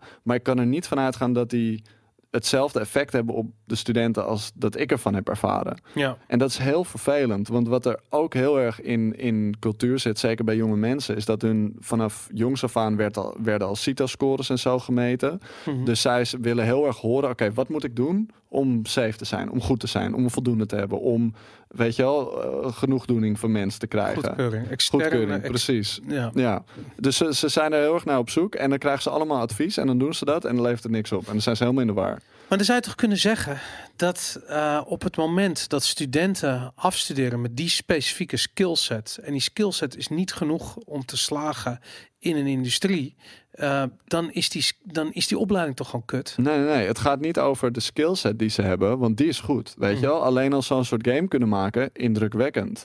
Qua 3D-models die erin Maar ze kunnen hem niet verkopen, de communicatie gaat mis, de, eh, de, de hele business kant Maar dat van ligt dan game. meer, denk ik, aan dus deels het advies wat ze hebben gekregen van andere mensen. Maar, maar daar hebben we het dus over de HKU, het advies vanuit de HKU, maar nee, ook, nee, nee, maar niet ook vanuit HKU. Ik denk vooral vanuit industry professionals. Ja. Ik denk vanuit HKU dat het nog wel mee eh, viel überhaupt hoeveel ze advies op dat moment hebben gekregen. Ik zat in elk geval persoonlijk niet op het project. Ik weet niet wie er toen wel op het project zat, maar ik heb ook geen idee in hoeverre diegene echt betrokken was bij het uitrolproces. Maar die mensen worden ook als professional beschouwd in hun afstudeerjaar. Want als jij niet als professional kan, kan handhaven in zo'n context, Mhm. dan ga je dat een half jaar later ook niet kunnen. Dus we willen wel echt dat ze in het laatste jaar gewoon zelfstandig zijn en hun eigen ding kunnen doen. En ik denk dat het dus maar daar dus misgaat. niet. Ja, natuurlijk gaat het Ja. mis. Ja. Maar dat gaat mis omdat eh, te veel mensen advies geven met de verwachting dat het voor andere mensen ook werkt. Terwijl zo werkt het niet. Zelfs als wij nu inderdaad het advies geven aan Activision, jullie moeten meer zoals Respawn en Apex Legends zijn, dan gaat het voor Activision Blizzard niet werken. Want het zijn andere mensen, ze kunnen die timing niet zo goed doen. Ze moeten hun eigen formule voor succes vanuit hun eigen community weten op te bouwen. Ja. En dat is voor een deel intuïtie, het is voor een deel vaak falen en op je bek gaan, maar dat hoort nooit iemand. En ik denk dat eh, de vlog, eh, doordat ze hiervoor in hun communicatietraject vrij succesvol eh, zijn geweest, redelijk zichtbaar op hun bek zijn gegaan met de launch, dat het voelt als iets heel negatiefs. Maar ik denk dat nou ja, als 70% van de studenten die nu afstudeert ook maar de helft van de accomplishments had gehad als de vlog destijds, ehm, dat ze heel trots mochten zijn. Wat, wat, ja, maar dat, vind- dat, dat, dat vind ik het terug aan. De lat ligt zo laag. Weet Nee, je? maar waarom laag? Omdat de focus tot alleen maar op, die, op dat productiekant ligt. Nee, nee, helemaal niet. De vlog, De vlog is gewoon geflopt. De flop. de vlog is geflopt. Als, Daarom. En als jij zegt als, ze maar, als, studenten nu maar de helft van die flop weten te bereiken. Maar weet je hoeveel zij geleerd hebben? Hoe lang het proces is geweest? Maar dit is die survivors bias. Jij op je hoge stoel als gamejournalist ziet alleen de meest succesvolle wereld van een industrie die 140 miljard dollar bijna waard is. Ja. Dus jij ziet alleen de crème de la crème. De beste taarten krijg jij voorbij. En als een taart ook maar een beetje niet perfect is, dan zeg je ja, kut game. Maar, maar wacht En even. als- dat, nee, maar dat is de context waarmee jij een young professional die vier jaar bezig is met zijn beroep, ja. beoordeelt met de vlog. Mm. Maar Dat wacht maar ik zeg één ding. niet. Ik zeg niet dat de vlog slecht was. Want ik vond het namelijk ontzettend leuk. Ik vond het ook ontzettend goed gemaakt. Ja. En de, de, vooral de sprong in het laatste jaar, wat die ze grafisch gemaakt hebben, geweldig. Ik vind alles wat er mis was met de vlog, zit hem in de communicatie en de zakelijke Ja. kant. En de, ik heb vanaf dag één gezegd dat dat gewoon kut is op de HKU. Dat is gewoon... Maar dat, ik snap niet dat jij het zo bij de haar. Want eh, als iemand die gelooft in iets decentraals als Bitcoin, waarom leg je alle verantwoordelijkheid van een team beginnend professionals neer bij de instantie die vooral hun heeft gefaciliteerd tot op dat punt zover te komen? Nee, nee, nee. Dat is hoe die instantie zichzelf opstelt. Ik vind namelijk... Ben ik het niet mee nee, maar ik vind echt dat iedereen verantwoordelijk, zijn eigen verantwoordelijkheid Nou moet dragen. Absoluut. Maar het, Als JJ maar het een probleem is... maakt, Nee, nee, dan nee. is dat JJ die de wacht. maakt. Dan is het niet Game Kings die faalt. Van heeft Game Kings nou niet Nee, dat maar die, die, die HKU, die, eh, eh, die neemt de verantwoordelijkheid van jou af om van jou een goede gameontwikkelaar te maken. Ik zal je vertellen hoe ze dat ben ik doen. niet met je eens. Ik zal je vertellen hoe ze dat doen. Iedere keer dat jij een cijfer uitdeelt en dat cijfer is hoger dan een, dan een, dan een, dan een 7, dan zeg je tegen iemand: Dit kun jij goed. Dus daar zijn. Maar dat gaat over competenties, hè? Dus dat gaat over de vaardigheden Ja, ja, die snap jij hebt om. Het gaat niet over het product zelf. Begrijp ik. Maar deze, Ook soms, dit, maar- dit team wat de vlog maakte, dat was de best of the best van dat jaar. De- Iedereen keek er naar, naar uit. Nou goed, whatever. Maar Ze hadden dat- aanzien, dat- maar ze werden niet altijd 100% goed beoordeeld. Oké, nou goed, ik, ik, ik sta er ver buiten, dus dat kan ik ook niet beoordelen. Maar in ieder geval hebben zij waarschijnlijk vier jaar lang te horen gekregen van... jongens, jullie zijn hartstikke goed, jullie kunnen dit, jullie kunnen dat, jullie kunnen zus, jullie kunnen zo. En uiteindelijk aan het eind van de rit blijkt dat ze het allemaal eigenlijk niet zo heel goed kunnen. Sorry, maar ik ben persoonlijk eh, een half jaar hun begeleider eh, geweest. Waarbij ik ook een aantal van die leden individueel eh, begeleid heb. En daarbij wordt eh, bij iedereen heel erg een spiegel voorgehouden van wat zijn de doelen die je zelf hebt, wat doe je om die te bereiken en wat is de uitkomst daarvan. En hoe denk je zelf dat je dat of kan optimaliseren? Heb je de wil om het te optimaliseren? Mhm. Maar er zijn dus allerlei processen om dat te evalueren. Ja. Ze moeten natuurlijk zelf weten wat ze daarmee doen. Hm. En er is zeker wel een, een bepaald template vanuit. Eh, er zijn bepaalde dingen die je gewoon wel eh, kan vaststellen. Van dit zijn goede, dit, dit zijn designprincipes waar je echt wat aan hebt. Daar wordt een ontwerp wel op getoetst. Van oké, neem je dat mee of niet? Dus Mhm. het voorbeeld van de kleuren wat ik eerder gaf, daar kun je echt wel zeggen van nou, dat is een onhandige keuze. Het heeft niet de ervaring geholpen. Eh, dus dat krijgen ze ook wel mee. Maar dat betekent dus dat ze niet alleen maar gepamperd zijn en alleen maar complimentjes hebben gekregen en uiteindelijk op hun bek zijn gaan. Ze hebben ook echt wel een beeld gehad van wat kunnen we wel goed en wat kunnen we niet goed. Ehm, ik denk alleen dat de confrontatie met de markt op een heel andere manier verlopen is dan dat iemand in Nederland op dat moment verwacht had totdat het gebeurd was. Zou je dan niet zeggen dat de, ehm, dat de hele markt in Nederland, in het algemeen, de videogame, de, eigenlijk de indie, ik bedoel heel Nederlandse indie, weet je, ik bedoel los van Guerrilla iedereen indie eigenlijk, Ehm, maar dat de markt in Nederland in een bubbel verkeert en dat er binnen die bubbel nog veel extremere bubbeltjes vinden, waar bijvoorbeeld HQ een bubbel is en ATV een Er zijn heel veel bubbels, inderdaad. Maar er is ook de eventbubbel waar de vlog in heeft gezeten. Waar ze ook later zelf over hebben gecommuniceerd. Dat wanneer je op een game-event bent, is de Mhm. context van jouw game zo anders dan een consument die achter zijn computer zit. Dus zij hebben dat product op een event speelbaar gehad. Wat heb je op een event? Je hebt vier PC's staan, waarschijnlijk met LAN-verbinding. Ja. Die dus super snel met elkaar kunnen verbinden. Eh, jij loopt over dat event. Je hebt de zoveelste casual, eh kut, eh, kleurige tyfus game Ja. gespeeld. Je ziet in één keer een indrukwekkende soort horror experience. Of je, wat, je, wat je volledig wegblaast binnen vijf minuten. Die mensen zijn mega positief geweest. Dus vandaar ook het, het zelfbeeld van de mensen van de vlog. Wow, maak echt een hele toffe game. Ja. Is totaal anders dan een Steam gebruiker die gewoon naar zijn Steam Store window kijkt. Denkt, hé, hey, wat is dat? De vlog, multiplayer game. En die het vervolgens gaat vergelijken met eh, Evolve of wat dan ook. Of welke andere eh, shooter er toen ook maar Evolve je uitgekomen was. inderdaad, ja, dat, Ja. ja. dat lijkt erop. Ja. Ja, en ik denk dus in die uh, dat, dat dat twee verschillende bubbels zijn. Met mensen die oprecht feedback geven, maar vanuit een totaal andere context. Waardoor je ook een totaal ander zelfbeeld kan hebben. Maar ik denk dat dat op heel veel vlakken gebeurt. Ja. En dat de uitdaging voor iedereen is om dus buiten die context te komen. En meer informatie te vergaren over oké, hoe doet mijn game binnen die context en binnen die context. En ja, ik heb dus het idee, en dat, dat vind ik heel interessant. Kijk, Nederland is zo'n klein land dat op het moment dat je binnen zo'n bubbel opereert. Hè, dus stel je voor dat je op een school zit waar binnen zo'n bubbel. Maar als je binnen de juiste bubbel zit, trouwens, kun je ook heel veel succes hebben. Hè? Ik ken een aantal mensen die vanuit Nederland heel erg uh, slim bijvoorbeeld naar LA-reisjes maken. Of naar de kleine bubbeltjes waar de mensen met het grote geld zitten. Daar kan je eh, daar kan je een studio bouwen. Nou, dat, dat, dat wou ik eigenlijk zeggen. En ik, ik wil eigenlijk proberen een bruggetje te maken naar Gamergate. Oké. En wow. Ja, nee, maar het ding is, ik vind Gamergate een goed voorbeeld van als die discussie alleen maar binnen de Nederlandse indie-bubbel had plaatsgevonden, was het nooit, hadden we er nooit heel veel van gehoord. Ja, binnen Nederland. Maar omdat die in die bubbel, of eigenlijk die, die bubbel waar dat gesprek plaatsvond in het begin, zich uh, bevond in Amerika, um, wat gewoon een gigantisch land is, is dat uh, dat hele verhaal echt een soort van wereldwijd te gaan, bij ja. spreken. En ik vind het zo interessant, omdat wij hebben best wel vaak, uh, volgens mij zelfs nog een keertje, ben ik een keer naar je toegekomen, helemaal in het begin toen dat net losbarst. En ik vroeg, Emiel, waar gaat dit over? Ik snap het niet. Ja.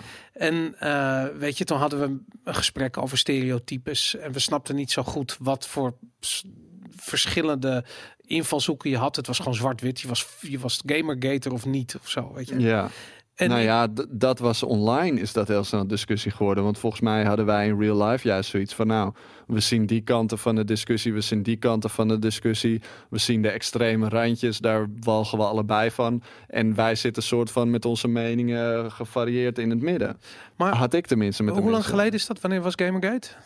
Is dat vijf jaar geleden, zes jaar geleden? langer, veel langer volgens mij. Nee, nee, nee, vijf jaar denk ik. Ik denk zes tot acht. Misschien zes jaar geleden. Ja. Nou goed, oké, zoiets. Kotaku was toen nog echt iets waar je naar opkeek. dat is wel heel lang geleden. Ja. Nou, de reden waarom ik weet, omdat ik weet, wij waren toen uh, ook volgens mij een keertje bij BNR samen geweest, waar we het daarover gehad hebben. Ja. En ik weet dat ik daar zes jaar geleden begonnen ben. Dus, dus ja, precies. Dat, nou, zo, zoiets. Maar toen was het wel al twee jaar gaande, denk ik. Voor niet dat wij het hebben meegekregen. Ik denk dat het toen pas net in Nederland kwam. Maar ik denk dat toen de discussie daar, daaromheen binnen die toen het in zijn bubbel begon, dat is denk ik wel zes, maakt niet uit, zes tot zeven jaar geleden. Goed, whatever. Kunnen opzoeken. Wat, um, laat ik zo zeggen, die discussie is nu gemeen goed geworden, heb ik het idee. Ik bedoel, laat ik zo zeggen, op maatschappij breed bedoel je? Maatschappij breed, ja. ja. Dus iedereen uh, is zich uh, bewust van het feit dat er zoiets bestaat als sociaal politiek of sociale politiek. Iets wat voor Gamergate voor mij serieus niet op de radar stond. Niet nee. stond letterlijk. Ik, ik, ik begreep niet wat het was. En daarom dat ik ook moeite had om Gamergate te begrijpen. Omdat ik gewoon niet de context begreep van waaruit de discussie ontstond. En ik weet dat jij een keertje het voorbeeld gaf van, nou ja, kijk bijvoorbeeld dat als een vrouw in een videogame zit, is het altijd een vrouw met blond haar en dikke tieten. Weet je? En ik had zoiets van, maar toen ik uh, uh, begon met gamen, waren Ja. alle personages pixels. En Ja. als ze niet grote tieten hadden en een blond kapsel, dan zag je niet dat het een vrouw was. Nee. En dat was mijn referentiekader. Ja. En uh, nou ja, goed, toen kwam dus Gamergate, kreeg die hele discussie. En in, Maar Gamergate is, ge, is die discussie is ontstaan vanwege en dat is best wel interessant en ik ben ook heel erg benieuwd uh, hoe dat verder toen is aangewakkerd, maar het is ontstaan vanwege een relatie die kapot is gegaan tussen dus een, een mediapersoon en een developer. Waarbij heel veel gamers boos werden omdat die developer de mediapersoon zou hebben gemanipuleerd. En ook de mediapersoon volgens helemaal losging Ja. over dat hij dan misbruikt zou zijn voor zijn positie. ja. Uh, en daar is, is een soort discussie rond seksisme over ontstaan. En ook ethiek in gamejournalisme, zeg maar. Die, die twee kanten had het heel erg. ja. En nu zie je ook dat de media tot vijand benoemen... Mhm. is een algemeen thema van een bepaalde groep mensen. Nou, wat interessant was, is uit Gamergate is Breitbart tevoorschijn. Bijvoorbeeld, ja. Uit Breitbart is uh, uh, Trumps, Trumps en zijn media entourage, uh, ja. ja. Dus dat uh, de gevolgen van Gamergate zijn gigantisch. Ja, geweest. en dat is dus de, de, de, de, ook een heel groot uh, de, de ethiek en journalisme kant die onder vuur wordt genomen. En Trump doet het nu ook dagelijks, weet je. Die benoemt de media als belachelijk en is niet waar. Het is allemaal fake nieuws. En ondertussen loopt hij zelf constant uh, gekke dingen te verspreiden die niet waar zijn. Maar Ehm, Maar het is dus niet zozeer iets waar je in gelooft. Het is vooral iets wat je roept om eh, mensen achter je te scharen. Nou ja, maar dat is het. Het feit dat Ja. je, eh, laat ik zeggen, de polariserende werking van zo'n Ik mis discussie. nu wel het jointje. Ja, er zijn nou, er ik- zo ik- maatschappij ik mis ook het gegaan dat... jointje. Jezus, waar is de... Waar, we zouden hem gewoon moeten... Nou, volgende keer dan, dan heb ik hier wat roken. ja. Maar in ieder geval die... ehm, eh, eh, wat ik zo bizar vind... En dat had ik toen nooit... Ik bedoel, voor mij was het toen soort van discussie tussen alternatieve chicks met roze haar en eh, lompe, dikke eh, gasten die achter een computer een soort internet warriors waren. dat is wel het, het contrast wat er was, ja. Zo begon dat in Ja. ieder geval. En ik had zoiets van, ja, whatever, lachen. maar nu, inmiddels, zie ik dat de gevolgen van die discussie zijn doorgedrongen tot bijna alle games. Maar het is toch nog steeds hetzelfde. Als jij een, een eh, iemand bent die gewoon niet, een, niet, niet heel ver geschoold is en eh, zich boos kan maken over verandering, dan zit je in het ene kamp. En als jij iemand bent die niet ver geschoold is. eh, niet lang geschoold is, niet, niet, Wat niet heeft dat houdt- ermee te maken? Niet te lang in, in, de, in de roze haren bubbel heeft gezeten. Nee, nee, ik denk, ja, dat staat er misschien los van. Maar ik, ik zie duidelijk een verschil tussen mensen die moe zijn van een maatschappij die heel snel verandert. Waarin zij Mhm. veel nieuwe dingen moeten, tot zich moeten nemen en accepteren. Mhm. En ik zie een verschil tussen mensen die die verandering heel erg proberen te embracen. En dat misschien zelfs zo fanatiek doen dat ze andere mensen weer gaan vertellen hoe ze die verandering moeten embracen. Dat is denk ik, als ik het moet samenvatten, het grootste verschil tussen de twee kampen. En daarbinnen heb je nog heel veel variaties. Maar Nou, ik, ik, die laat ik zo- tegenstelling zag die- je toen voor het eerst, denk ik. Ja, nou goed, de tegenstelling inderdaad. Maar het, wat mij opvalt is het fanatisme Dus- waarmee de, eh, eh, de, de, de, de, de boodschappen clashen, als het ware. Ja, En eh, met name bijvoorbeeld als je het bijvoorbeeld hebt over inclusiviteit en dat minderheden vertegenwoordigd moeten worden in videogames. Hey, cool, weet je, whatever. Ja. Dat is low. Ik bedoel, tien jaar geleden had je zoiets van ja, waarom niet, weet je? Ik bedoel, ja, ja. dat kan. En eh, eh, laat ik zo, ik, ik, ik had het er laatst ook in een item over dat dat. ehm pak hem bij tien jaar geleden waren alle Amerikaanse videogames. eh, daar speelde je een hoofdpersonage die onnatuurlijk eh, spierbouw had. Ja, Een soort superheld was, bij wijze van spreken. ja. En ik vond juist die Europese en Aziatische shit cool, omdat je daar gewoon vaak normale mensen had. was, ja. Uh, maar nu heb ik het tegenovergestelde, namelijk dat elke fucking Amerikaanse videogame die ik opstart, daar speel ik of met een lesbienne of met een eh, andere min ondervertegenwoordigde minderheid. En eh, Omdat heb- Amerikanen heel extreem zijn. Maar- het kan maar- niet gewoon... ge- Europeanen zijn denk ik wat dat betreft veel nuchterder en genuanceerder. En Amerikanen zijn heel fel. En dat was in die discussie ook altijd zo. Mhm. dat ik dingen las. Ik denk van waarom? Hè? Wa- Want zelfs al was ik het dan ideologisch gezien met iemand eens, de manier waarop het geforceerd wordt en naar buiten gebracht wordt, dat je denkt van nou, maar daar wil ik niet bij horen. Weet je wel? Het is een beetje alsof eh, je vroeger op het schoolplein stond, je had ruzie met een vriendje en eh, de oudere broer komt erbij, die neemt het voor je op, maar die, die, die slaat hem gelijk helemaal in Ja, elkaar. dat je denkt van hoeft ja, precies. Ja, Dat is toch heel erg aan de, aan de gang. Maar dan nu ook met hoe videogames gemaakt worden. maar ik laat ik zo zeggen dat de discussie gevoerd wordt en als je in Amerika gevoerd wordt, whatever, weet je. Ik bedoel, ik vind het, ik vind het hinderlijk. Eh, ik vind het ook een hinderlijke discussie Ja. in het algemeen. Eh, maar ik- wat ik helemaal raar vind, is dat hoe het zich vertaalt naar de videogame-industrie en vooral de AAA-industrie. Bijvoorbeeld EA die zich geroepen voelt om social politics te introduceren in hun marketing rondom bijvoorbeeld Battlefield. ja. Ik vind het raar, weet je. Maar Ik het is, dat is toch ook de rol van corporaties. Hoe, hoe zij omgaan met dit soort sociale thema's is te weird voor woorden. Maar, maar stel je voor dat je nou het, het sociale weghaalt bij sociaal politiek. En Ja. dat je gewoon gaat zeggen van Battlefield 5. Dit is een game voor Trump supporters. Ja, dat zou nice zijn. Ja, maar dat is toch krankzinnig? Dat is toch, dan ben je toch, dat is ondenkbaar. Er is er geen enkel commercieel Maar bedrijf. vroeger, verzuiling, was het heel normaal. Dit is een krant voor katholieken, klaar. Ja. Dus ik denk dat we juist die kant op gaan. Oh ja? Ja, Dit is een kant voor de- deze game is voor katholieken. ja Dit is een game voor moslims. Ja, Dat ga je gewoon krijgen. Eh, maar ik denk dat je het al hebt, alleen het is niet zo heel zichtbaar. Ja, ik denk dat die sociale verzuiling juist al heel erg aan de, gang, aan de gang is. En ik merk hem heel erg op het moment dat ik mezelf digitaal in bepaalde bewegingen eh, bevind. Wat ik als developer natuurlijk doe. Dus of het nou vragen stellen is, eh, waarbij op een gegeven moment soms ook tot een, tot een ethische discussie of zo uitkomt. Weet je wel, van mag ik dingen eh, verkopen op die manier of zo. Mhm. Ehm, en dan zie je ook al heel duidelijk dat als ik dan, dan typ ik en dan lees ik nog drie keer wat ik heb getypt. Ja. Omdat ik niet of een heel rechts persoon of een heel links persoon op zijn tenen wil trappen. Oh ja? Ja, dus als jij eh, te Ik heb sympathiek... dat nooit. Nee, precies. Maar dat is ook fijn aan jou. Dat je gewoon geen blad voor de mond hebt en gewoon roept wat je denkt. Ehm, maar ik denk op het moment dat je nog hulp wil van, van beide partijen eventueel... dat het best wel handig is om even daar drie keer bij na te denken. Maar het is enorm moeilijk daardoor. Ja. En ik vind het ook best wel jammer. Maar ik denk wel dat het... Met name ook als ik me dan eh, soms begeef binnen een bepaalde groep... dat ik denk van, oh shit... Ehm, ik moet uitkijken dat ik bijvoorbeeld binnen een gay community niet overkom als de gay-hater, zeg maar. Dus heel erg uitchecken wat ik zelf zeg. Want daar zijn ze ook heel nitpicky in, weet je wel.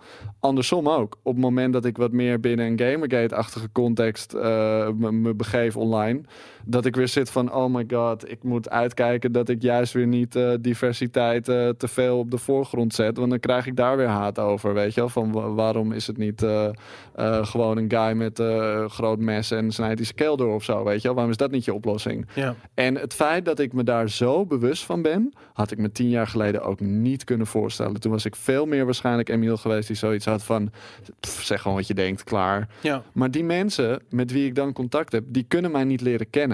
Mhm. Dus die kunnen niet tot de essentie doorkomen waar ik echt in geloof. En doordat ze dat niet kunnen, gaan ze me puur beoordelen op wat ze zien. Ja. En kan elke groep in feite enorm kwaad op je worden. En dat vind ik zo jammer aan, denk ik, digitaal communiceren of je op die manier moet weerhouden.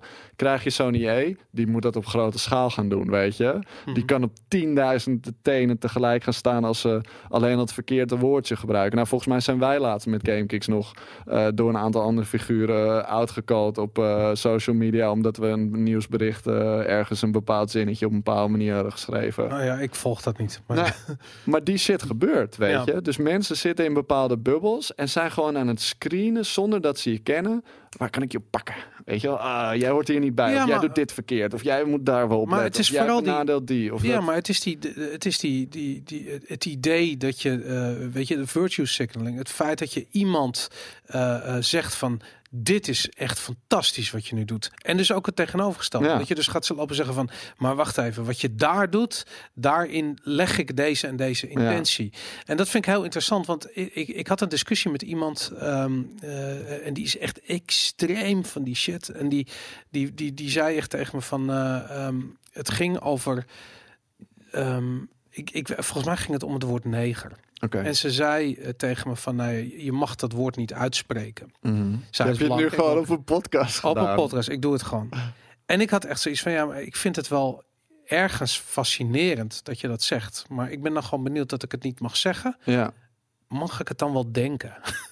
Weet je? En op het moment dat ik het namelijk niet mag denken, wat verwacht je dan eigenlijk van de wereld? Weet je, wat voor- dat iedereen hetzelfde wel of Maar niet mensen denkt? komen daar dus niet uit, volgens mij. Maar dat kan toch ook niet? Nee, maar oh, dat komt ook omdat normaal gesproken, en nou ben jij wel zo'n figuur die daar, jij hebt redelijk veel scha- Nou, ook weer niet. Je bent ook alweer een hele sociale man.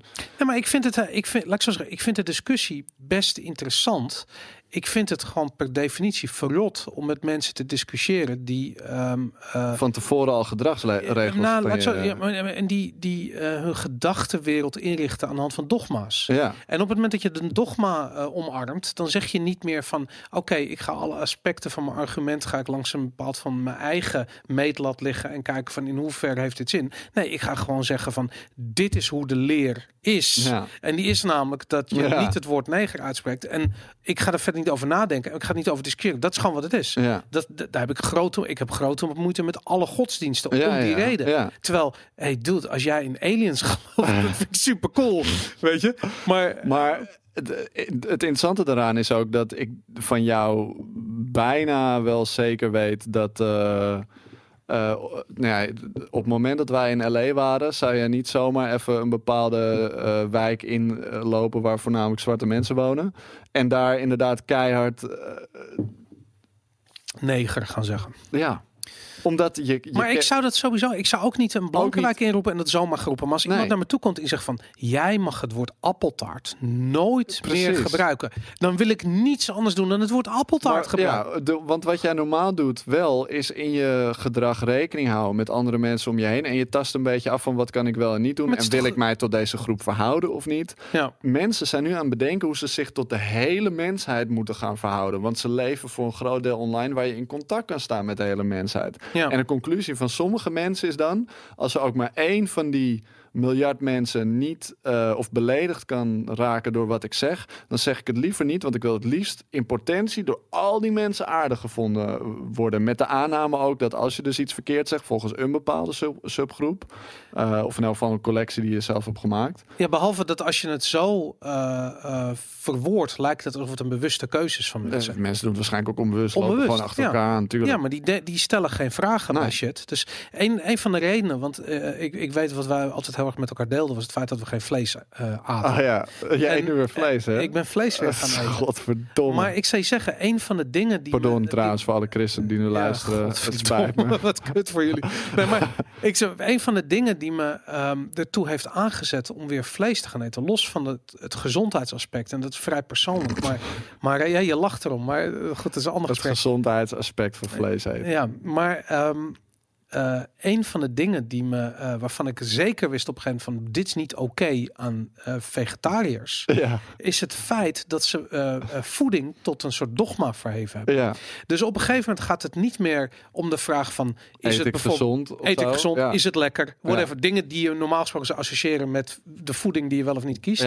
Nee, het wordt gewoon een dogmatisch verhaal van vlees, dat eten we niet. Het is een sociaal-cultureel ding. Ja, en als je vlees, dat eten we niet als gegeven neemt, dan ga je vervolgens conclusies trekken die niet kloppen. Namelijk, het wel eten van vlees is bijvoorbeeld ongezond. Of het wel eten van vlees is, nou, whatever. Weet je, Ja. er kunnen allerlei Net als conclusies. eh, eh, als je niet eh, zoveel keer per dag tot God bidt, ga je naar, bid, Ga je naar de hel. Whatever. Dogma's. Gewoon dogma's. En ik denk dat je gewoon ieder voor zich mensen altijd bewust moet zijn. Of eigenlijk eh, op zijn hoede moet zijn voor, voor dogmatische gedachten en dogmatische beelden. En eh, dat, dat vind ik niet meer dan logisch. Weet je, ik bedoel Dat dat. zijn meer, ja. eh, ja, daarom. Maar als je dan, om nou even te- de weg terug of de brug terug te bouwen naar videogames. als je vandaag de dag kijkt naar de gamesindustrie, dan heb ik zoiets van de, die dogmatische bullshit is de norm geworden. Nou, maar ik denk ook omdat het bij jou heel erg schuurt met je karakter. Dan merk je het ook veel meer. Want ik, ik heb daar niet zo'n sterk beeld van. Het is voor mij een hoek die ik wel eens zoek, waarvan ik me wel eens bewust raak. Ja. Ehm, en ik vind het heel erg jammer als er een cultuur is waarin mensen geen vragen meer kunnen stellen of waarin er geen grappen meer gemaakt kunnen worden. Maar het omgekeerde vind ik ook vervelend als iedereen constant maar niks serieus neemt en alleen maar rare vragen gaat lopen stellen. Dus ik denk de balans bewaren daarin, dat is gewoon de kunst die je moet zien uit te vinden als maatschappij überhaupt. Maar eh, ik bedoel, Want uiteindelijk, als je teruggaat naar de reden, en dat is, vind ik zo grappig, zowel de mensen die dogma's eh, naleven en bedenken wat er dan wel niet zou moeten kunnen, Mhm. als de mensen zoals jij en ik, die eigenlijk liever zo min mogelijk dogma's hebben. In feite wil je gewoon op een goede manier met elkaar om kunnen gaan. Je wil elkaar kunnen begrijpen, tenminste heb ik dan, of sta ik daar ook te idealistisch Nou, ik, in? ik weet niet, ik, ik hoef niet iedereen te begrijpen. Het maakt me niet uit. Maar ik, ik heb meer zoiets van als er geen ruimte meer is voor, eh voor Maar je wil ideeën. time kunnen hebben. Kan ik het zo samenvatten? Ik denk elk mens wat te maken heeft met een ander mens, in welke context dan ook, je wil het liefst dat je een leuke tijd hebt met elkaar. Ja, maar het is meer dan een leuke tijd. Ik snap dat het belangrijk is dat je elkaar de hersens niet inslaat. Maar ook gewoon dingen als creativiteit Ja. eh, vallen binnen. eh, laat ik zo zeggen, dogma's zijn creativiteitskillers. Niet altijd. Geef eens een voorbeeld van waar dat niet zo is. Ehm, ja, dat kan ik niet geven, want het zit in een geheim project. Maar ik heb wel mezelf, dat kan ik je wel off camera vertellen. Eh, ik kan mezelf juist een hele leuke uitdaging geven binnen restricties. Dogmatische restricties. Ja, juist. Eh, en ik denk ook dat dat juist het mooie is wat er soms vanuit eh duurt. De hele jaren tachtig eh scene van muziek en de hele jaren 60 scene is gewoon alle opgekropte seksualiteit die wereldwijd niet geuit kon worden, kon in één keer eruit. Ja, afrekenen met dogmatie. En wat krijg je? Een van de meest creatieve generaties ever. Precies. Dus je, Ja, wanneer de- je het in de- doofpot stopt een tijdje, dan ontploft het daarna weer en dan kunnen mensen weer los. Dus ik ben absoluut Ja. tegen dogma's, maar ik denk wel dat het, het hebben van dogma's eh, het niet hebben weer uh, te. Je ziet het als een soort, als een soort marktbeweging die het ja. komt en het gaat. Ja. Okay, ja. Nou ja, goed, dat hoop ik. Weet ik je. hoop het ook, man. Ik, ik kan niet wachten, want ik moet je eerlijk zeggen dat uh, ik, ik kan geen stand-up comedian die zichzelf laat censureren meer zien. Nee, ik, maar... ik, ik, ik, mis, ik, ik hou van politiek incorrecte humor, dus ook van sociaal-politiek incorrecte humor. Maar nou, weet ik niet, want er zijn verschillende. Zeggen, nee, je, de natuur mag je wel zeggen, maar ik denk er zit wel altijd een, een verschil met intentie die je kan communiceren. Hoezo? Nou, je kan moeite doen om mensen te beledigen en je kan mensen per ongeluk beledigen doordat je doet wat je doet. En ik denk dat daar wel een verschil voor mij persoonlijk dan. Hè, als ik naar comedy uh, kijk, dat ik denk van jouw grap is niet beter omdat je X of Y zegt. Maar dat had ik ook al met zwarte uh, uh, comedians uit de jaren tachtig. Mhm. Die zijn constant aan het leven. Dit is white guy, come on, bla bla bla, bla weet je. En uh, ja, dit is black guy, bla bla bla. Ja. En toen dacht ik al, toen ik dat zag, toen ik wat jonger was, van ik bedoel, deze grap is toch gewoon grappig zonder dat je hem per se een white guy noemt, weet je. Nou, maar voor hun was het heel erg gekoppeld aan elkaar. Het is, het, het is als je een, een taboe aansnijdt, ja. is het grappig. Zo, wow, even ja, ja. Weet je? Dat was heel erg daarmee da waarschijnlijk. Daarom. En ik weet bijvoorbeeld in Amerika, ik ben even de naam kwijt van die comedian, die, had het, die maakte grappen over, um, uh, over die, die high school shooting die je had. Okay. ben, uh, ook even de naam kwijt. Maar die, um, wat natuurlijk best wel pijnlijk is, weet je. En doodgeschoten kinderen, Jesus, dat is nogal wat. En daar grappen over maken is best wel heftig. Maar daarom juist noodzakelijk. En relativerend. Het relativeert en het maakt het bespreekbaar. Um, ik heb dat ook bijvoorbeeld, het krachtigste woord in de Nederlandse taal is het woord kanker. Ja. Waarom? Omdat het gewoon ons. Omdat het nog steeds. Oh, ja, er zit een taboe op. Weet je? Dus als jij kanker gebruikt in je taal gebruikt, dan is dat hard. De boodschap komt over. Het, het, ja, of juist niet meer omdat het zo hard is. Dat kan ook. Ja, dat kan ook. Dat mensen jou niet meer serieus nemen. Dus de afzender van het woord. De, ik denk dat dat het meest negatieve effect is. Ja, nou ja, misschien is dat zo. Maar aan de andere kant, de, um, ik, ik denk juist dat het uh, doorbreken van taboes in, in elk creatief proces, of het nou communicatie is of het maken van videogames. Ik denk dat dat bijna een doel zou moeten zijn, omdat het brengt mensen dichter bij elkaar. Ja. Het, het lokt uit tot dialoog. Het heeft veel positieve effecten, zeker. Ja. Maar ik denk dat er niet altijd de context is om die taboes te doorbreken. Dus zomaar een taboe willen doorbreken zonder dat jij weet bij wie jouw boodschap landt, heeft ook geen zin. Maar als je dan kijkt naar de huidige generatie studenten, vergeleken met bij wijze van spreken tien jaar terug, ja. dan heb ik het idee dat die dogmatisch gedachten over sociaalpolitiek nu um, veel sterker aanwezig zijn dan, dan toen. Of, of... Het valt mee. Het is, uh, dat is ook weer iets wat je ook in de samenleving ziet. Is dat er gewoon een bepaalde groep mensen veel zichtbaarder zijn in het uiten van de bezwaren die ze hebben.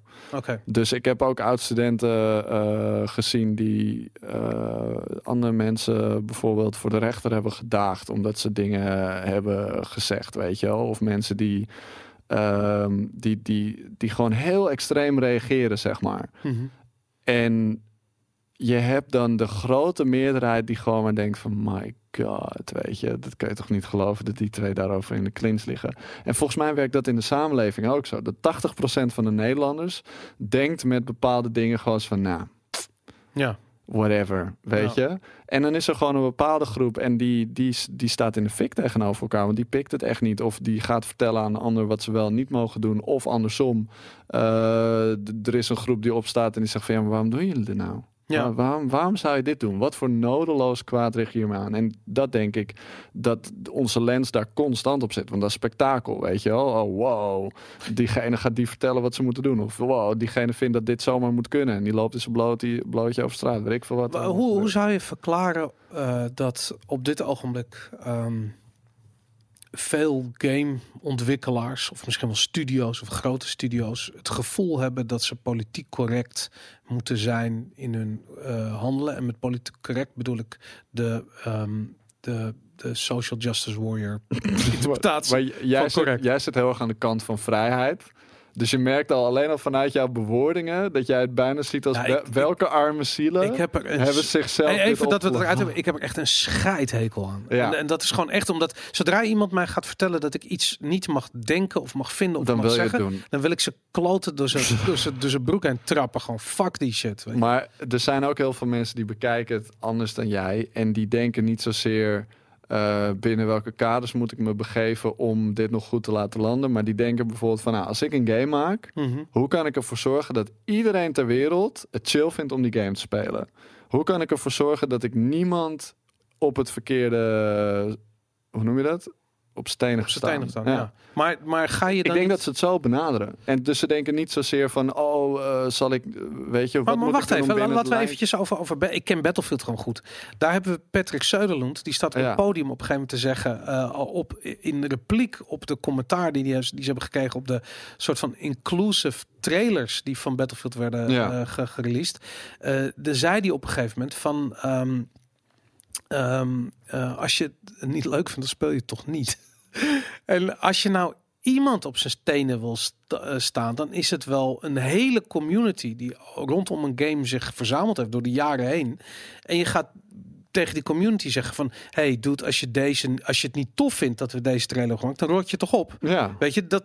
Ik bedoel, dat is, het is zo bizar dat ik Maar dat, tot eh, op de dat dag van vandaag daarmee aan het worstelen ben. Van waarom, wa- hoe maakt dat sens? ja omdat hij jou heeft gealieneerd natuurlijk. Hij heeft jou direct als speler gezegd van, dude, als je niet tof vindt, dan ga je toch niet meer mijn game spelen. En dan moet jij nu Battlefield gedag zeggen. Dus jij voelt je enorm verraden. Ja, maar Door de maker, dat snap ik heel goed. Ja, nou ja, door de, door de maker inderdaad. Ja. Ja. want die, die zegt van, hey, als je het niet tof vindt, Ja. speel toch niet. En ik heb precies van, hoe Maar de je? maker moet toch ook dat recht hebben. En in dit geval vind ik EA best wel commercieel, dus vind ik dat minder. Maar ik vind op het moment dat iemand een schilderij maakt en iemand anders komt langs. Nou, ik vind het wel erg lelijk hoor. En ik hou helemaal niet van fruitschalen. Dan zou ik ook zeggen als maker, ja, dan tief je toch een end op. Dan ga je niet naar mijn fucking schilderij kijken, mafkees. Oké, maar, ehm, maar dat, dat doet me En namelijk... een Banksy bijvoorbeeld kan dat zeggen. Oh, vind je het niet tof dat dit kunstwerk zichzelf vernietigt? Nou, dan koop je toch lekker iets anders. Dan tief je toch lekker Ja, op. dat ik, niet maar dat- iedereen kan dat zeggen. EA heeft te veel producten gemaakt, waardoor ze dat niet kunnen zeggen. Nou, maar de dynamiek die erachter zit, die vind ik heel interessant. En het lijkt op bijvoorbeeld als,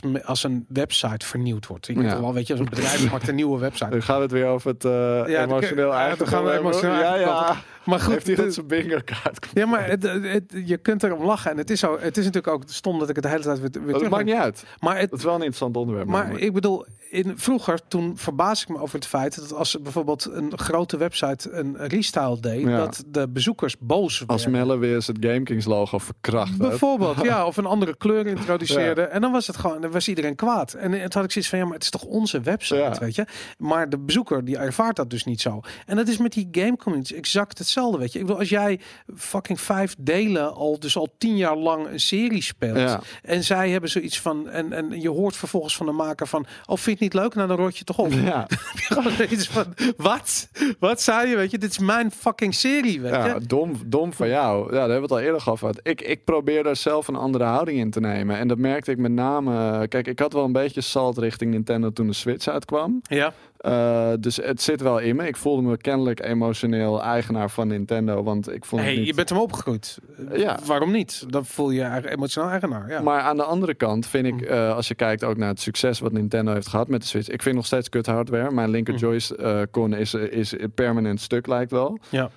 Um, dus ik vind het nog steeds kwalitatief blijf ik bij wat ik toen heb gezegd toen hij uitkwam. Mhm. Ik heb alleen wel heel veel plezier van het apparaat gehad. Dus als ik over mijn eigen zuurheid als emotioneel eigenaar van Nintendo, die niet het klasse product heeft uitgebracht wat ik toen wilde. Mhm. Uh, als ik daar eerder overheen had gestapt, had ik ook eerder plezier kunnen hebben. En zo zie ik dat ook Maar, met maar wacht, mensen... wacht, dat is iets anders. Als jij het Oh, hebt dat over kwaliteit van een product, weet je, daar kun je over discussiëren. Ja, Weet je, ik bedoel, de Fallout community eh, is teleurgesteld in de kwaliteit van Fallout en dat 76. is helemaal Maar terecht. Bethesda heeft niet gezegd van als je deze game niet goed vindt, dan rot je toch op. Weet je? Dat hebben ze niet gezegd. En het, het gaat daarom, het gaat erom van Ja. uh, op het moment dat jij tegen een groep gebruikers, zo groot of zo klein als die ook is, zegt van uh, als je dit niet trekt, als je het niet tof vindt, dan Ja, je maar toch op. dat, dat is culturele verandering, denk ik, ten opzichte van inderdaad uh, het voorbeeld wat ik probeer te geven. Mhm. En ik denk met culturele verandering dat je. Kijk, ik- mijn visie is altijd. Als ik ergens in geloof Ja. en ik hoop dat jij dat begrijpt, dan probeer ik dat vanuit onze kameraadschap of de band die we hebben uit te leggen. Ik ga dat niet uitleggen door te zeggen: Boris kankermogol, ja. bla bla bla. Als je niet tof vindt, dan rot je toch Ja. op. Niemand gaat het snappen, want jij bent onmiddellijk mijn vijand. En van je Ja. vijand neem je niks aan. Van je vrienden, daar wil je wel naar luisteren. Ondanks dat je ze af en Ja. toe wil slaan en eh weet ik veel wat. Maar je Ja. houdt van ze en je accepteert ze. En daarom wil je naar ze luisteren. Datzelfde voorbeeld geldt wat mij betreft voor EA. Ik denk die manier van communiceren is niet hoe je een culturele verandering teweeg brengt. Een culturele verandering kan je alleen realiseren Als je door brug bouwt. Ja, en door te laten zien wat dan de voordelen zijn wat, van, van wat, waar jij in gelooft. Maar ja. dan heb je weer je, die geloven er helemaal niet echt in. Die gebruiken het gewoon meer als een soort eh, plakkertje op een game. hey, we zijn nu diverse, koop het ook. Weet Ja. je, meer is het niet. Het is niet goed doorgedacht waarom ze daar dan in geloven, denk ik. Ik, heb Ik- het zelf niet gespeeld namelijk, dus ik lul eigenlijk Nee, gewoon. kijk, dat- is het rare. Die game zelf, daar zie je helemaal niets terug daarvan. Het, Nee. het heeft niets met die game te maken. Het Nee. heeft te maken met hoe die, hoe er, hoe die game eh, eh, naar voren gebracht Terwijl hoe er wat- werd gecommuniceerd rondom Wat ik, game. wat ik ook inderdaad interessant vind, is er zit maar één fantasie in die game. Gewoon de power fantasy. Ik ben de sterkste soldaat die de beste is. Ja. Dat past niet bij de narrative die ze eroverheen hebben geplakt van de verzetsheld eh, die vrouwelijk was. Toch? Nou, wat daar het probleem mee was, was dat ze een, eh, bijvoorbeeld een daadwerkelijke missie die heeft plaatsgevonden. Noorse commando's hadden eh, eh, zwaar water, iets wat je nodig hebt toen je, weet ik veel, je kernprogramma. ja, ja. die, die hadden een, een onderzeeboot, die hadden dat, dat water gestolen uit die onderzeeboot, die onderzeeboot opgeblazen, weet ik veel. Die, die gasten zijn daarbij zelf om het leven gekomen. Die gasten zijn Ja. helden in de Noorse Tweede Wereldoorlog geschiedenis. Wij hebben die hier nooit van gehoord, maar whatever. Daar is groot succes. En ze hebben die missie eh, ehm, in die game gedaan.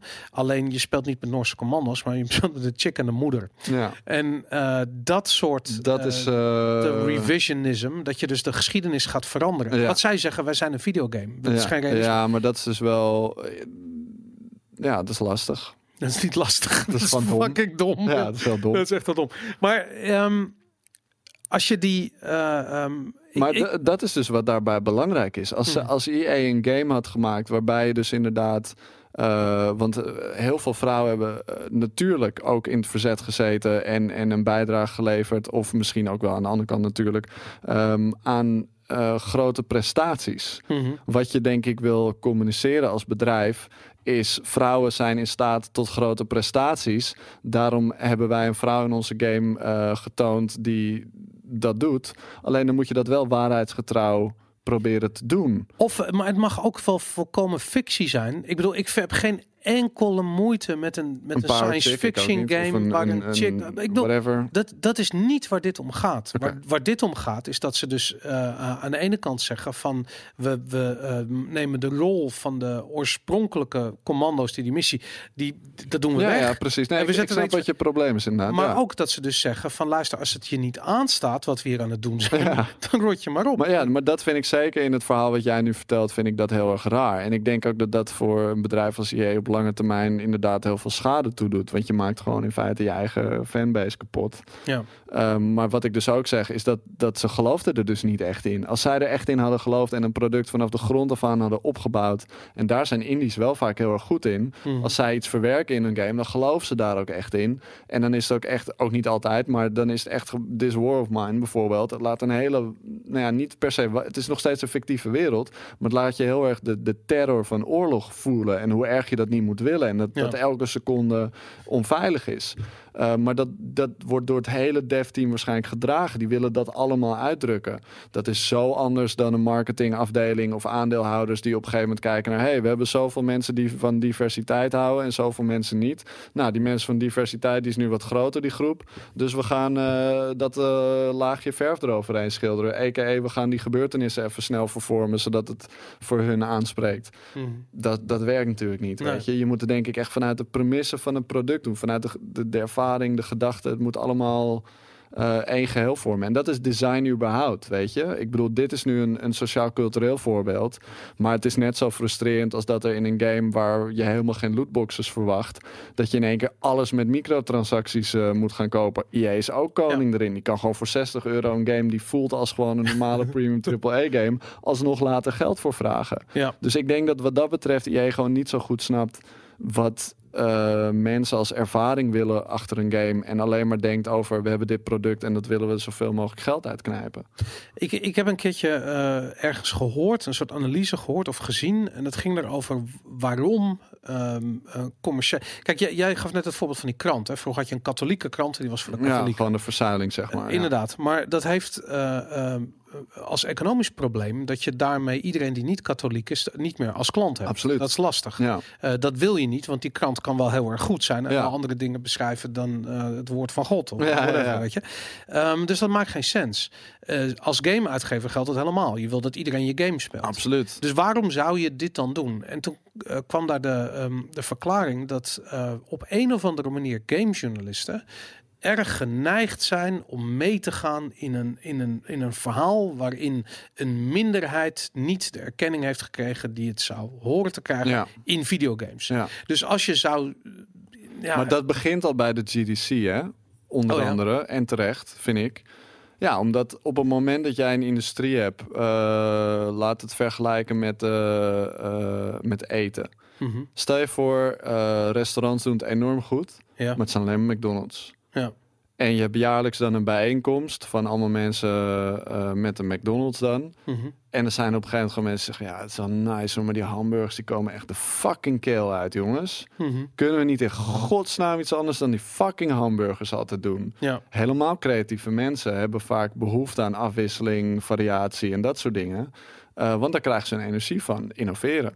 Ehm, dus dat, daar is dat denk ik, eh, is Maar- het geluid veel voorkomen van jongens, waar verdienen we nou ons geld mee? Uh-huh. Geweld. Puur geweld en voor een groot gedeelte seksappeal. Dat is het enige wat we nu doen. Kunnen we in godsnaam games maken? Want games zijn een interactief medium. Je kan alles bijna interactief maken en daar een ervaring in ophangen. Waarom doen we alleen maar geweld en seks? Maar nu hebben we nog steeds geweld en seks. Alleen het zijn chicks met paars haar die het geweld toepassen. En eh, eh, ja, het is Maar we hebben steeds ook- dezelfde clichés, maar dan gewoon slecht. Maar we hebben ook games als Gris, waarin je gewoon een... ja, maar we hebben ook Dead Dragon Cancer en weet ik veel wat. Weet je? we hebben zoveel maar nog even terug naar de GDC. Want Oh, jij zegt dat ook dat, dat, dat eh, die, die, die, eh, eh, hoe noem je het, die sociaal-politiek kant op de GDC eh, een rol speelt. Is, de, is dat zo? Nou, eh, ja, zeker wel. Ik denk dat eh, de, de verschillen nergens zichtbaarder zijn dan op GDC. Want de mensen die zoiets hebben van... Hey, doe normaal, een game is gewoon drie keer op een vijand stompen... of je moet gewoon bloed in je game hebben. Mhm. Die developers Gewoon lopen tanks. er rond, ja. En je hebt de developers die op het moment dat je eh, niet vijf verschillende eh, rassen in je game hebt... al beledigd is en, en boos wordt. Maar, maar dat bedoel ik. Beide kampen lopen daar rond en hebben mot met elkaar soms ook... als je koffie staat te bestellen of wat dan ook. Oh ja? ja. Waar? Ik realiseer me dat ik Dan moet je de gewoon, nee, je moet even. Twitter, je moet Twitter gewoon checken tijdens GDC. Ik- dan lees je die verhalen terug. Want mensen kunnen namelijk niet meer normaal met elkaar communiceren. Die gaan het dan allebei op Twitter zeggen, zetten. Ja, ja oké. dus Stel dat praten je die met- debielen dat ja, mensen zijn, Ja. Maar goed, eh Brandon Romero onder andere eh, is een game designer die daar veel mee bezig is geweest. En die voor veel mensen bekend is als eh, de vrouw van John Romero. Oh, oké, ja. Dat heb ik nooit geweten.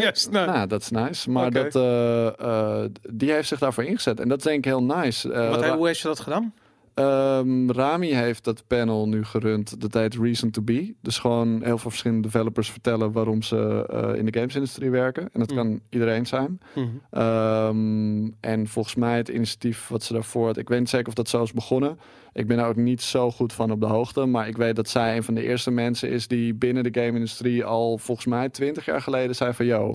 Doom is natuurlijk eh, vet. En eh, wat had je nog meer eh, in die tijd? Wait, Wolfenstein 3D. Daikatana, weet ik veel. Daikatana is veel later heeft. geweest. Maar eh, heel veel games zijn heel erg vet, dope. Maar eh, het, het is altijd een power fantasy. En ik heb niet altijd een power fantasy. Maar ik vind games wel heel tof. Wat kan ik nog meer spelen? Er is gewoon heel weinig commercieel Maar groot. dat, maar dat is toch geweldig, weet je? Ik bedoel, ik ben het daar duizend procent mee eens. Precies, maar dat is het begin van Maar het- openstaan maar- voor verandering. Maar het bizarre is dat het resultaat van openstaan voor verandering is geworden eh, totaal afgesloten zijn voor al het andere wat niet past binnen je, binnen je, je wereldbeeld. En dat komt dus op het moment dat mensen andere mensen gaan vertellen wat ze moeten doen. In plaats van het positieve te laten zien van wat je gedaan hebt. Dat is gewoon wat er misgaat. Toch? Hoe gaat dat goed op de HKU? Of niet goed? Ehm, ja, het het klinkt heel simpel, maar ik heb dat ook veel gezien onder game developers. Je had game developers die zich helemaal mengden in Gamergate en die er helemaal los in gingen. Eh, het waren ook altijd de stumpers die niks konden, die, die veel te veel lange discussies aangingen online en op Hmm. Facebook en weet ik wat allemaal. En dan had je ook een heel groot gedeelte van de mensen die zei, dude, ga gewoon shit maken. ja. Ga gewoon shit maken en laat dan maar zien, weet je, kom dan maar terug met, eh, met je mening. Eh, maar uit het gewoon door te maken. En dat zie ik goed gaan op de HKU. De mensen die gewoon hun schouders ophalen eh, en die gewoon toffe shit maken waarvan uh, waarschijnlijk wel iemand kan bedenken wat er mis mee is, maar er genoeg respect is voor hoe tof het is geworden, dat dat gewoon ook niet zo heel veel meer uitmaakt. Ja. Uh, ik denk dat dat goed gaat. En het gaat fout op het moment dat mensen ultra paranoia worden, of omdat ze niemand willen beledigen. Mhm. Uh, of aan de andere kant heb ik ook een studententeam gehad wat een meme-inspired game heeft gemaakt. wat ik persoonlijk een beetje denigrerend vind naar bepaalde groepen mensen. Mhm. Uh, en dan denk ik van, nou, daar kan je carrière mee kapot maken. Als jij straks bij een jobinterview zit en die, dat bedrijf ziet van, wow, wat, wat heb jij gemaakt, weet je wel? Sta je daarachter? Vind je dat tof? Weet je, promoot je dat? Zo zag eens een voorbeeld. Hoe, hoe zag die game eruit? Wat, wat gebeurde er? dat weet ik. Nee. Ik wil het niet spelen. Nee, ja, het geheim. Oké. Maar die, Hey, die sensatiezucht, die zet dus steeds uh, het vergrootglas op de extreme. Maar- Terwijl het dat- overgrote deel heeft hier geen last van. Oké, je. dus je zei, maar je, de, de extreme zijn. Hoe zie je dat? ehm, laat ik zo zeggen, ik had het idee op een gegeven moment dat de Gamergate discussie helemaal verstomd was. Ehm, en dat was heel naïef eh, van mij, want dat bleek helemaal niet het geval. Hij is veranderd en hij is breder Ja. eh, gevoerd gaan worden dan alleen maar binnen die 4chan eh, eh, slash Reddit Ja, trollgroepen. Ehm, en ik heb daarbij heel erg dat ik me afvraag van waar gaan we waar gaan we heen? Weet je, kijk, nee, maar we zien, we zien EA zien we gewoon keihard onderuit gaan. Weet je, ook de sales van, van Ba- Battlefield heeft dramatisch veel slechter verkocht dan Battlefield 1. Ehm, ik denk eerlijk gezegd dat. eh, ehm, ja, laat ik zo zeggen. Ik denk dat het commercieel gezien gewoon niet slim is om te zeggen wij zijn een kant voor katholieken. Ik denk dat dat gewoon commercieel heel erg slecht is in een, in een industrie die al In een internationale industrie, Ja. zeker. Nee, ja, dat ben ik helemaal met je eens. Als je kijkt naar de productiviteit eh, ten opzichte van... eh, zeg maar, hoeveel moeite stop je ergens in, hoeveel winst haal je eruit? Is dat niet slim? Dan dan snij je een heel deel van je potentiële afzetmarkt af. Hoe, eh, laten we het dan eventjes hebben over Activision. Activision heeft gisteren bekendgemaakt dat ze 800 man gaan ontstaan. Ja, 10% of 8%. Bobby Kotick, wat doe je man? Body Kortjes, Bobby K. iedereen eruit. Eh, dat na een jaar waarin ze een recordomzet hebben gedaan. En ik, ik zal heel eerlijk zijn, ik let Daar dus... begonnen we toch ook al mee? Ik heb echt een déjà vu nu. Ja, we begonnen. We gaan, we gaan, maar we hebben het er nog niet op deze manier over gehad. Ehm, ik, ik, ik hou niet zo heel erg de, de, de verkoopcijfers, de omzetcijfers van uitgevers bij. Ik, in mijn hoofd is Activision zo'n bedrijf wat altijd zo 2, 3 miljard eh, deed per jaar. Die zitten gewoon fucking op 7,9 Ja, miljard. doorgegroeid. Ja, het is ongelooflijk. Maar goed, het is, dat Bobby vond ik, al, K. vond ik al een shocker. Maar goed, Weet gaan, hoeveel, gas die, eh, hoe- hoeveel miljoenen die gas verdient? Bobby Kotick, weet ik niet. Dat was wel gepubliceerd volgens mij. Volgens mij ook 13,7 miljoen bonus alleen al. Ja, de bonussen. Maar ik vind dat verneukeratief, want dat zijn opties, hè? Ah, het zijn obligaties. Nee, het zijn Nee, opties. opties, ja. En die kan je niet op elk moment inwisselen. Nee. Dus voor hetzelfde geld wisselt hij ze in en krijgt hij er maar 5 miljoen voor. Als die aandelenkoersen... naar maar beneden alsnog, weet je al, de, dan neem je het met een korrel zout. En dan is het 50% meer of Ja. minder. Het- Het is alsnog genoeg voor veel mensen om een leven mee te leiden. Vind je dat die mensen te veel verdienen? Leiders aan de top, absoluut. Ja? Ja, ten opzichte van hoeveel werk zij werken, hoeveel stress zij hebben.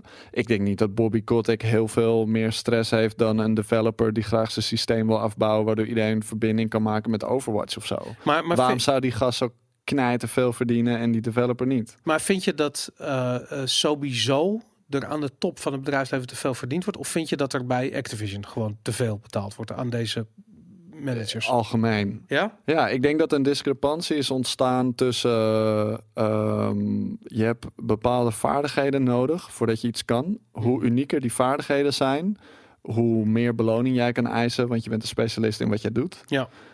Zo ontstaan Vrije dan op een markt, gegeven moment. Ja, dus ontstaan er mensen die alleen maar iets kunnen en daardoor heel waardevol worden, want heel veel mensen hebben behoefte aan wat zij kunnen. Dat vind ik een natuurlijk principe.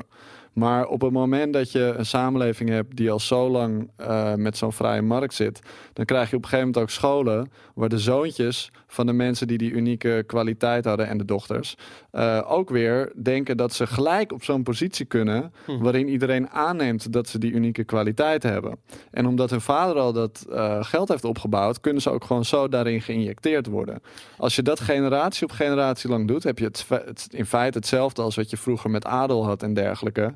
Je hebt een hele groep gedesillusioneerde, eh, hoe noem je dat? In elk geval, Desillusioneerde. dankjewel, gedesillusioneerde mensen die volledig niet weten hoe ze een bedrijf moeten runnen, maar wel daarvoor zijn opgeleid en ook niet altijd de juiste beslissingen nemen als je kijkt naar de, de kwaliteit van de producten of de kwaliteit van de werksfeer. Maar de markt rekent daar toch mee af. Ik bedoel, als, je, als jij niet presteert als manager, Nee. dan, dan gaan de aandeelhouders gaan zeggen van luister, deze figuur moet eruit. Ja, maar presteren als manager kan natuurlijk op een heel divers palet aan kwaliteiten. Je kan presteren als manager doordat mensen gelukkig zijn bij het bedrijf waar je werkt. Je kan presteren als manager doordat je heel veel winst maakt als bedrijf. Er zijn heel veel facetten waar je succes aan kan afmeten. Maar alleen de, De financiële...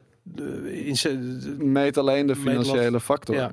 Dus dat betekent dat iemand die heel erg op de. En dat zie je ook bij de grote bedrijven, bij de EA's en de Activisions. Ze zijn niet zo goed in het mensendeel. eh, vaak ook niet zo goed in het product-innovatiedeel. Niet waarom meer. zouden mensen daar dan willen werken? Omdat je wel gewoon een vast inkomen hebt. Maar ik, ik weet dat bijvoorbeeld van Activision weet ik dat niet. Die zal vast hoog scoren op de lijst. Maar EA eh, is regelmatig gekozen tot het, het, het vervelendste bedrijf om te werken in Amerika. Ja. Maar Het slechtste bedrijf. Dat is wel insane, Het is man. Dat insane. wist ik van niet alle eens. bedrijven. Dat Ja, echt dat- ze meerdere keren Ja. hebben ze dat gewonnen. Het is echt serieus. EA die, die maakt het Dus die sociale factor hebben ze helemaal niet, weet je wel. Er wordt totaal geen rekening gehouden met mensen, hun gevoelens, ideeën en eh, whatever. Maar ik heb dan zoiets van als je als werknemer gaat werken bij een bedrijf wat eh, bovenaan die lijst staat, of in ieder geval heel erg hoog aan die lijst staat, waarbij je weet dat het geleid wordt door mensen die niet snappen dat een product een creatief product is en onder bepaalde omstandigheden tot stand moet komen. Ja, Eh, waarbij je weet dat er niet geëxperimenteerd wordt met ideeën in een markt die zwaar aan het veranderen Ja. is. Eh, dan is 1 en 1 is toch 3. Dan zie je toch van hé, hey, eh, mensen zijn blijkbaar niet zo belangrijk. Ja. Eh, dit is niet de juiste omgeving voor mij om optimaal te presteren of eh, gewaardeerd te worden. Ik ga ergens anders werken. ja, die mensen gaan indie. Ja, daarom. Ja. Ja. nee, maar dat, eh, ik hoor je, weet je. En je zegt het tegen de gast die ook al heel eigenwijs lang zelf bezig is met games maken. En ik praat met eh, de guy die gewoon vanuit zijn passie, eh, zijn hobby, zijn beroep, zijn werk en zijn bedrijf heeft opgebouwd. Dus wij kijken zo heel erg naar het leven. Maar ik ken ook wel, ook omdat het soms oud-studenten zijn die voor dat soort grote bedrijven zijn gaan werken. En hun perspectief is heel anders. Ze zeggen van ja, weet je, ik wil gewoon op een gegeven moment ook wel rust. Want het, het, het, het buiten zo'n groot bedrijf zitten betekent dat je constant onzekerheid hebt over wat moet ik precies doen. Je moet heel veel Mhm. verantwoordelijkheid nemen voor de beslissingen die je neemt. Eh, en ze hebben zoiets van nou, laat mij maar gewoon op die bureaustoel zitten. En dan schreeuwt mijn baas maar tegen me. En dan moet ik ze af en toe maar mijn werk overnieuw doen. En zo af en toe een weekend overwerken of wat dan ook. Maar ik kan wel gewoon, weet je, mijn kids eh goede opleiding geven. En eh, mijn vrouw eh, ze af en toe mee op vakantie nemen of wat Ja. dan ook. En, of andersom, die vrouw die kan een man op vakantie nemen, whatever. Maar die kiezen voor zo'n fulltime job. En dus minder, ja, hoe noem je dat? Eh, Zekerheid. zeker- Of meer zekerheid. meer zekerheid, ja. Of meer zeggen, minder zeggenschap in hun eigen leven. En meer abused worden door het systeem van zo'n manager of slechte bedrijf, whatever. Oké, dus dan vliegen er nu 800 mannen en vrouwen bij. We weten nog niet eens precies wie het zijn, wat voor rol het zijn. Jawel, ik heb al heel veel in mijn Twitter voorbij zien komen. Ja, en wat, wat zijn het? Ik heb begrepen dat het geen developers eh, zijn. nou, het zijn voor 10% ervan zijn maar developers van de mensen die ontslagen worden. Dus dat zijn niet superveel. Toch 80. Eh, het zijn heel veel relation managers, eh, mensen die een, een e-sport event mogelijk maken ergens en daar dan meehelpen. En, eh, mis- ik weet nog niet zeker of het cafetaria medewerkers zijn, want het zit waarschijnlijk niet op Twitter. Maar ik heb vooral de marketingkant zwaar geraakt zien worden. Ja. En de, de, de, de, ja, de, de services die horen bij het maken van een game. Dus misschien de mensen die fora, bepaalde fora live houden of Ja. zo. Daar vallen Community vooral managers, de, ja, PR managers, Precies. marketing managers, dat soort figuren. daar vallen volgens mij vooralsnog vooral de klappen. Denk je dat dat een eh, goed teken is voor Indies? In de zin van dat misschien die mensen wel nu eh, al hun marketing skills. Want laat ik zo zeggen, deze mensen hebben ervaring op het eh, topniveau van het zakenleven. Ik bedoel, Maar, De- ja, ja, nou, ik, ik, ik, dat ik, dus een... ik snap het. Ik snap het. Ik, het zijn niet de meest creatieve figuren die in dat soort omgevingen gedijen. Aan de andere kant, de ervaring die ze meenemen, is bij wijze van spreken precies wat de vlok nodig had op het moment dat ze uit zouden komen. Ja, maar behalve dat helaas mensen alleen maar leren van eigen fouten. Maar ze hebben toch genoeg fouten gemaakt. Ik bedoel, hoeveel... Ja, maar je kan dus inderdaad, dat is weer ook met wat we zeggen vanuit industry professionals geven die advies. Als zo'n marketing buff nu vrijkomt en die gaat zijn eigen ding doen en die gaat met indie samenwerken, betekent het nog niet dat het inderdaad dat geleerde van diegene ook gaat werken voor die indies. Ja, Want het is een luxe positie waar je in zit waarschijnlijk. Als jij eh, Blizzard achter je hebt staan en je bent naar een network event voor games aan het gaan en je zegt, hoi, ik ben met Blizzard. Dan zegt iedereen, oh, oh, oh, hey, hoi, hoe gaat het met je? En eh, oh, wat tof. En, eh, eh, terwijl die exactzelfde persoon zo op een indie event komen, hoi, ik ben zelfstandig game promoter. En dan zitten al die indies. ja. Dus het is denk ik ook de hele context waarin zij werken en de dingen die ze daarin hebben geleerd, kunnen daar wel heel erg werken. Maar dat vertaalt zich denk ik niet naar skills die eh, communicatie ten goede komt van indie projecten, helaas. Ja. Ja, dus daar gaat niemand wat aan hebben. Ik, ik heb namelijk wel het idee dat, ehm, we hebben het hier wel eens over gehad, als je naar Scandinavië kijkt. Scandinavië heeft een hele, eh, hoe noem je dat? Uh, Levendige, ja, levendige, ja. bloeiende gamesindustrie. Ja, Ehm, en eigenlijk de ontwikkeling of de totstandkoming daarvan is een beetje terug te brengen tot de grote, de eerste grote developers die verkocht werden. En eh, weet je, je hebt Ki- eh, King van met, met Candy Crush, Ja. eh, eh, hoe heet die gasten van Farmville? Ik ben even de naam kwijt. Die werden op een gegeven moment verkocht.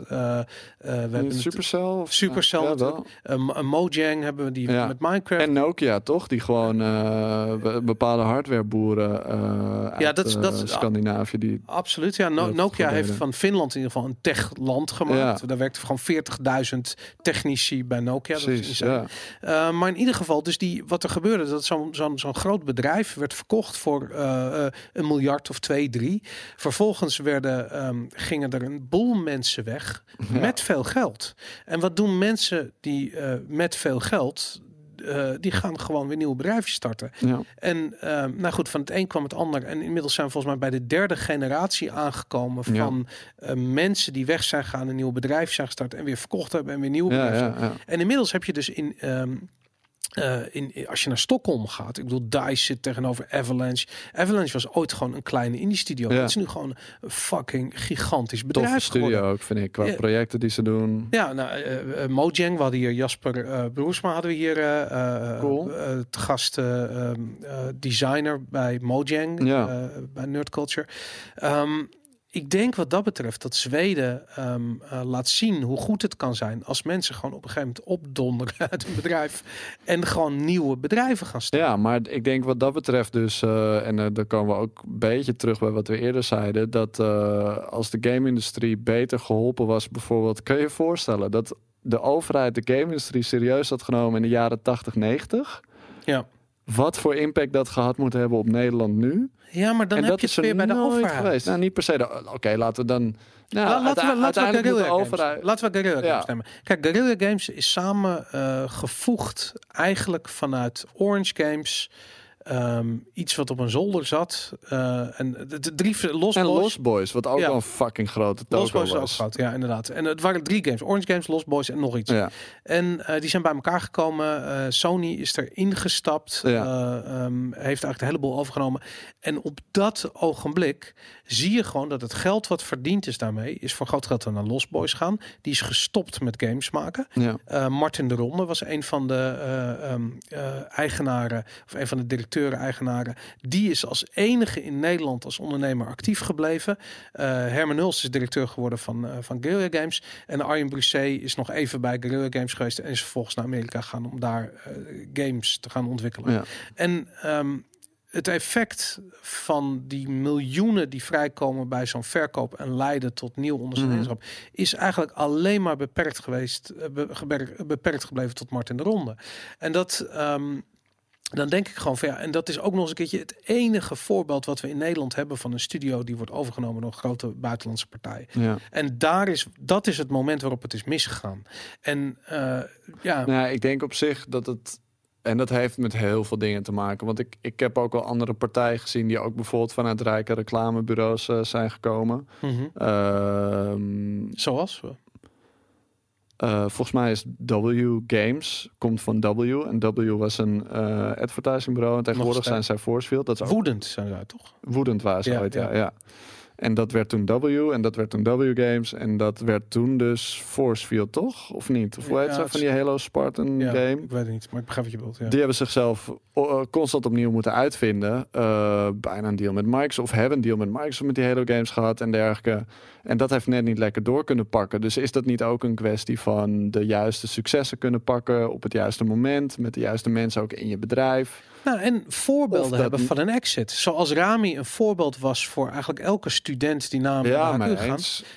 Je hebt gewoon dat, dat Minecraft, die notch die gewoon op Twitter zet van Dat wie motiveert Minecraft heel veel mensen. Ja, maar ook omdat je, een je weet waar je naartoe moet. Ja. Omdat je weet gewoon van oké, we gaan iets groter, iets groter, iets groter. En dan volgt de exit. En doordat je weet dat als je groter gaat, op een gegeven moment die exit volgt, zijn investeerders bereid om mee te gaan. Ja. Want er is een voorbeeld en een track record. Maar dat hebben we binnen tech wel, toch? We hebben veel meer techbedrijven in Nederland opgeleverd die dat soort dingen hebben gedaan. Ja, we hebben dat in chip. In de chip-divisie, de ASML's, en dat soort bedrijven ja. heb je dat heel erg. Ja, Maar eh, als je het gewoon puur over tech hebt, ik, ik, ik, weet niet hoeveel grote Nederlandse IT-bedrijven er zijn die de sprong naar het buitenland eh, hebben gemaakt, verkocht zijn, Nou, en naar is dominante partijen. Ik weet het gewoon niet. Ik heb Nee. geen idee. Eh, ik denk eerlijk gezegd dat het wel meevalt. Het enige waar we het wel zien is in bijvoorbeeld in televisie, omdat John de Mol heeft wat dat betreft echt voor Nederland zoveel betekend. Ja. Dat hij ehm, eh, hoe het, eh, Big Brother ehm, wereldwijd verkocht heeft. En Nederland een soort pilotland werd. ja, maar dat vind ik ook wel fascinerend hoe anders dat nu werkt. Want ik zie Rami meer als een ambassadeur van games voor de wereld. Die Nederland, eh, die toevallig uit Nederland slash Egypte komt. Ehm, ik zie hem niet zoals John de Mol, die dan weer heel veel dingen richting. Hij heeft veel dingen richting Nederland gehaald hoor. Hij heeft veel, Mm. veel goede dingen wat dat betreft gedaan. Maar ik weet niet of dat nog zo werkt. Of de tijd niet gewoon genoeg veranderd is. Dat Rami voelt zich verantwoordelijk niet per se voor alleen de Nederlandse industrie, maar die voelt zich verantwoordelijk voor games industrie wereldwijd. Weet je, die maakt zich hard ook in Ja. het Midden-Oosten voor dingen en voor eh, in Amerika en en we- weet je wel, die die is overal. Dus ik vraag me af of ook wat dat betreft misschien de, de, de manier waarop iemand zich wel of niet eh, ergens vestigt, nog steeds zoveel impact heeft, weet ik dus gewoon niet. Nou, het, ga, het gaat Als niet dat het het, vroeger had. het, het gaat niet om wat voor rol die. Het gaat erom dat er een, eh, eh, laat ik zo gewoon een voorbeeld is voor wat het betekent om een succesvol videogamesbedrijf te runnen. Dus eh, kijk, Flambeer is te klein om te verkopen, want het zijn twee mensen Ja. of drie mensen max. En voor de rest werken ze met freelancers over de hele wereld. Ja. Ehm, maar stel je voor dat dat een bedrijf was waar 20 man zouden werken. En je zou zeggen van nou, als ze twee games gaan maken en ze gaan alle succesvolle games Porten het, naar alle het studio's. grappige is dus ook dat de bedrijven die ik wel ken, die zo middengroot zijn, die vinden het gewoon veel te leuk. En die willen gewoon klein blijven. Ja, maar dit, we doen nu toch wat we willen doen. Dus Ja. tof. Dus Ja, maar dat waarom we het nu willen verkopen en, en eh, miljoenen willen verdienen? Maar weet je hoe dat normaal gesproken gaat? Is dat er een investeerder langskomt en die zegt van wow, wat jullie aan het doen zijn, heeft potentie. Ja, Op dit ogenblik, er is geen investeerder in Nederland die ook maar een cent ehm, eh, in videogames eh, zal steken. nee, Omdat ze gewoon. nee maar is die geen, zijn er wel, man. Ja, nee, maar Ze weet je zijn wat, er wel. Maar het is de, de, de, de, de miljonair die toevallig zijn geld heeft verdiend in, omdat hij een supermarkt had. Ja. Die denkt van nou laat Die ik eens hobby, eventjes 30.000 eh, euro in het bedrijf van mijn neefje Ja, steken. precies. Ja. De- maar het zijn hobby eh, investeringen. En Ja. je, hebt, je hebt in Nederland, natuurlijk heb je in Nederland rijke mensen, en rijk tussen aanhalingstekens, want ze hebben dan een paar miljoenen, weet ik wat, die wat geld steken in dat soort projecten. Maar je, wat je niet hebt, is dit, dat Amerikaanse scenario, waarbij eh, je eh, als investering in een bedrijf een aantal stadia doorgaat. Dat je eerst, eerst ben je bij de, de, de, de seed eh, ronde. Weet Ja, je, het is, het is helemaal niet zo geïndustrieel, of hoe noem je dat? Het is helemaal niet zo'n geen- vast proces zoals in Amerika. Maar je hebt geen industrie, je hebt Nee. geen investeerders die daar als bedrijf, je hebt geen Nou, ja, fondsen. ze zijn er wel. alleen het, het kost op een moment relatief veel. Eh, ehm, hoe noem je dat? Assertiviteit en eh, wilskracht om als development studio dat op te zoeken. En je moet wel vaak de lijntjes vanuit het buitenland halen. ja. Maar we hebben bijvoorbeeld events als Game Connection of eh, eh, nou ja, er zijn nog talloze DICE volgens mij zijn ook veel zakelijke contacten en GDC zijn er veel zakelijke contacten. Dus er zijn wel momenten dat je met dat soort mensen in aanraking kan komen.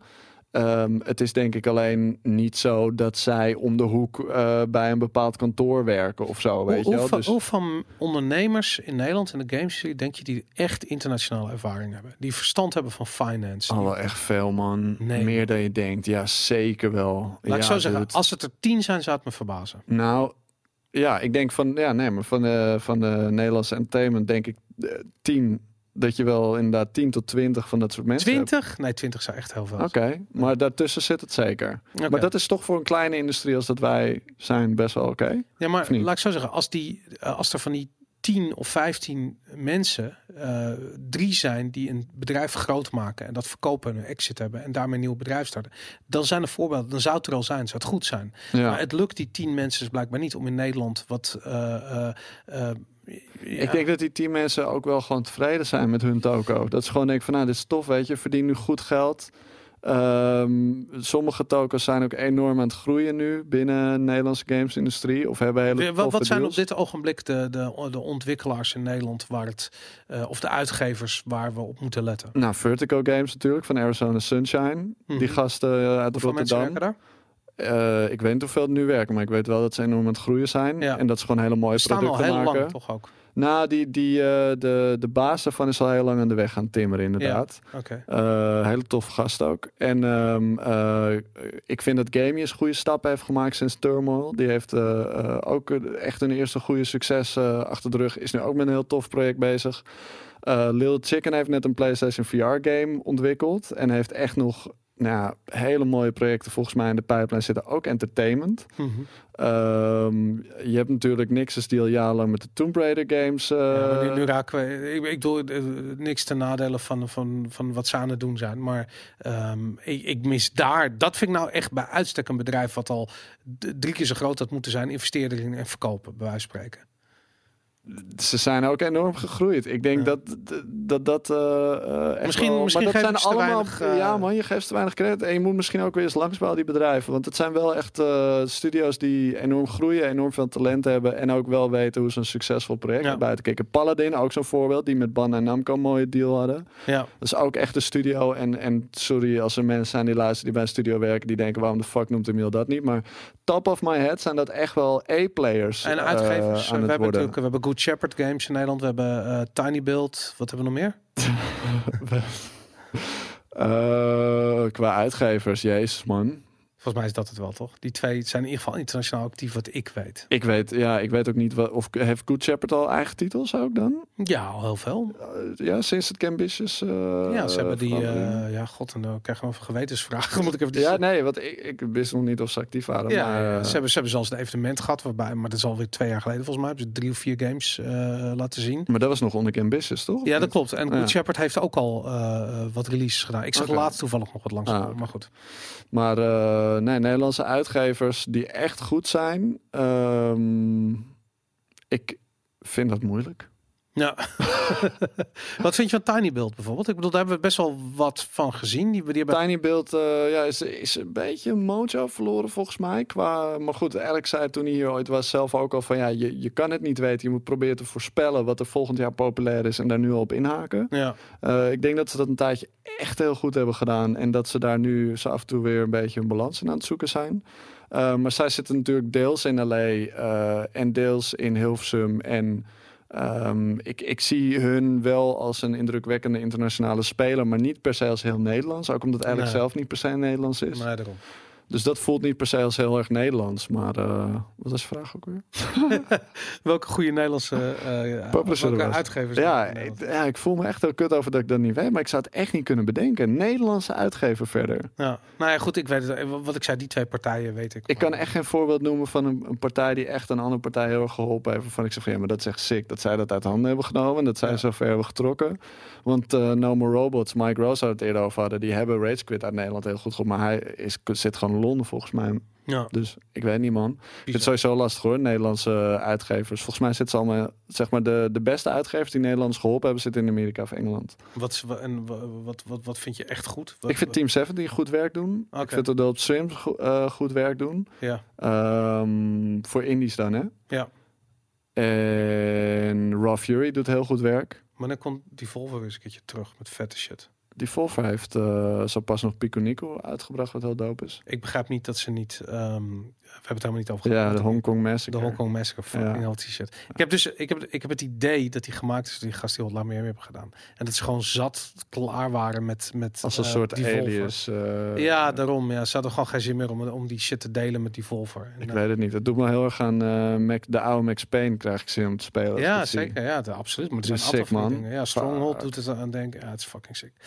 Goed, Emiel. We zijn ruim twee uur lang Lekker. zitten we in deze podcast. Zonder De joint. tijd vloog. Toch Ja, ik, ik miste hem wel. Ik miste Ja. die Het joint was wel. vooral toen het maatschappij kritische onderwerp werd. Dat ik dacht van, nou, maar hoe... hoe Ja.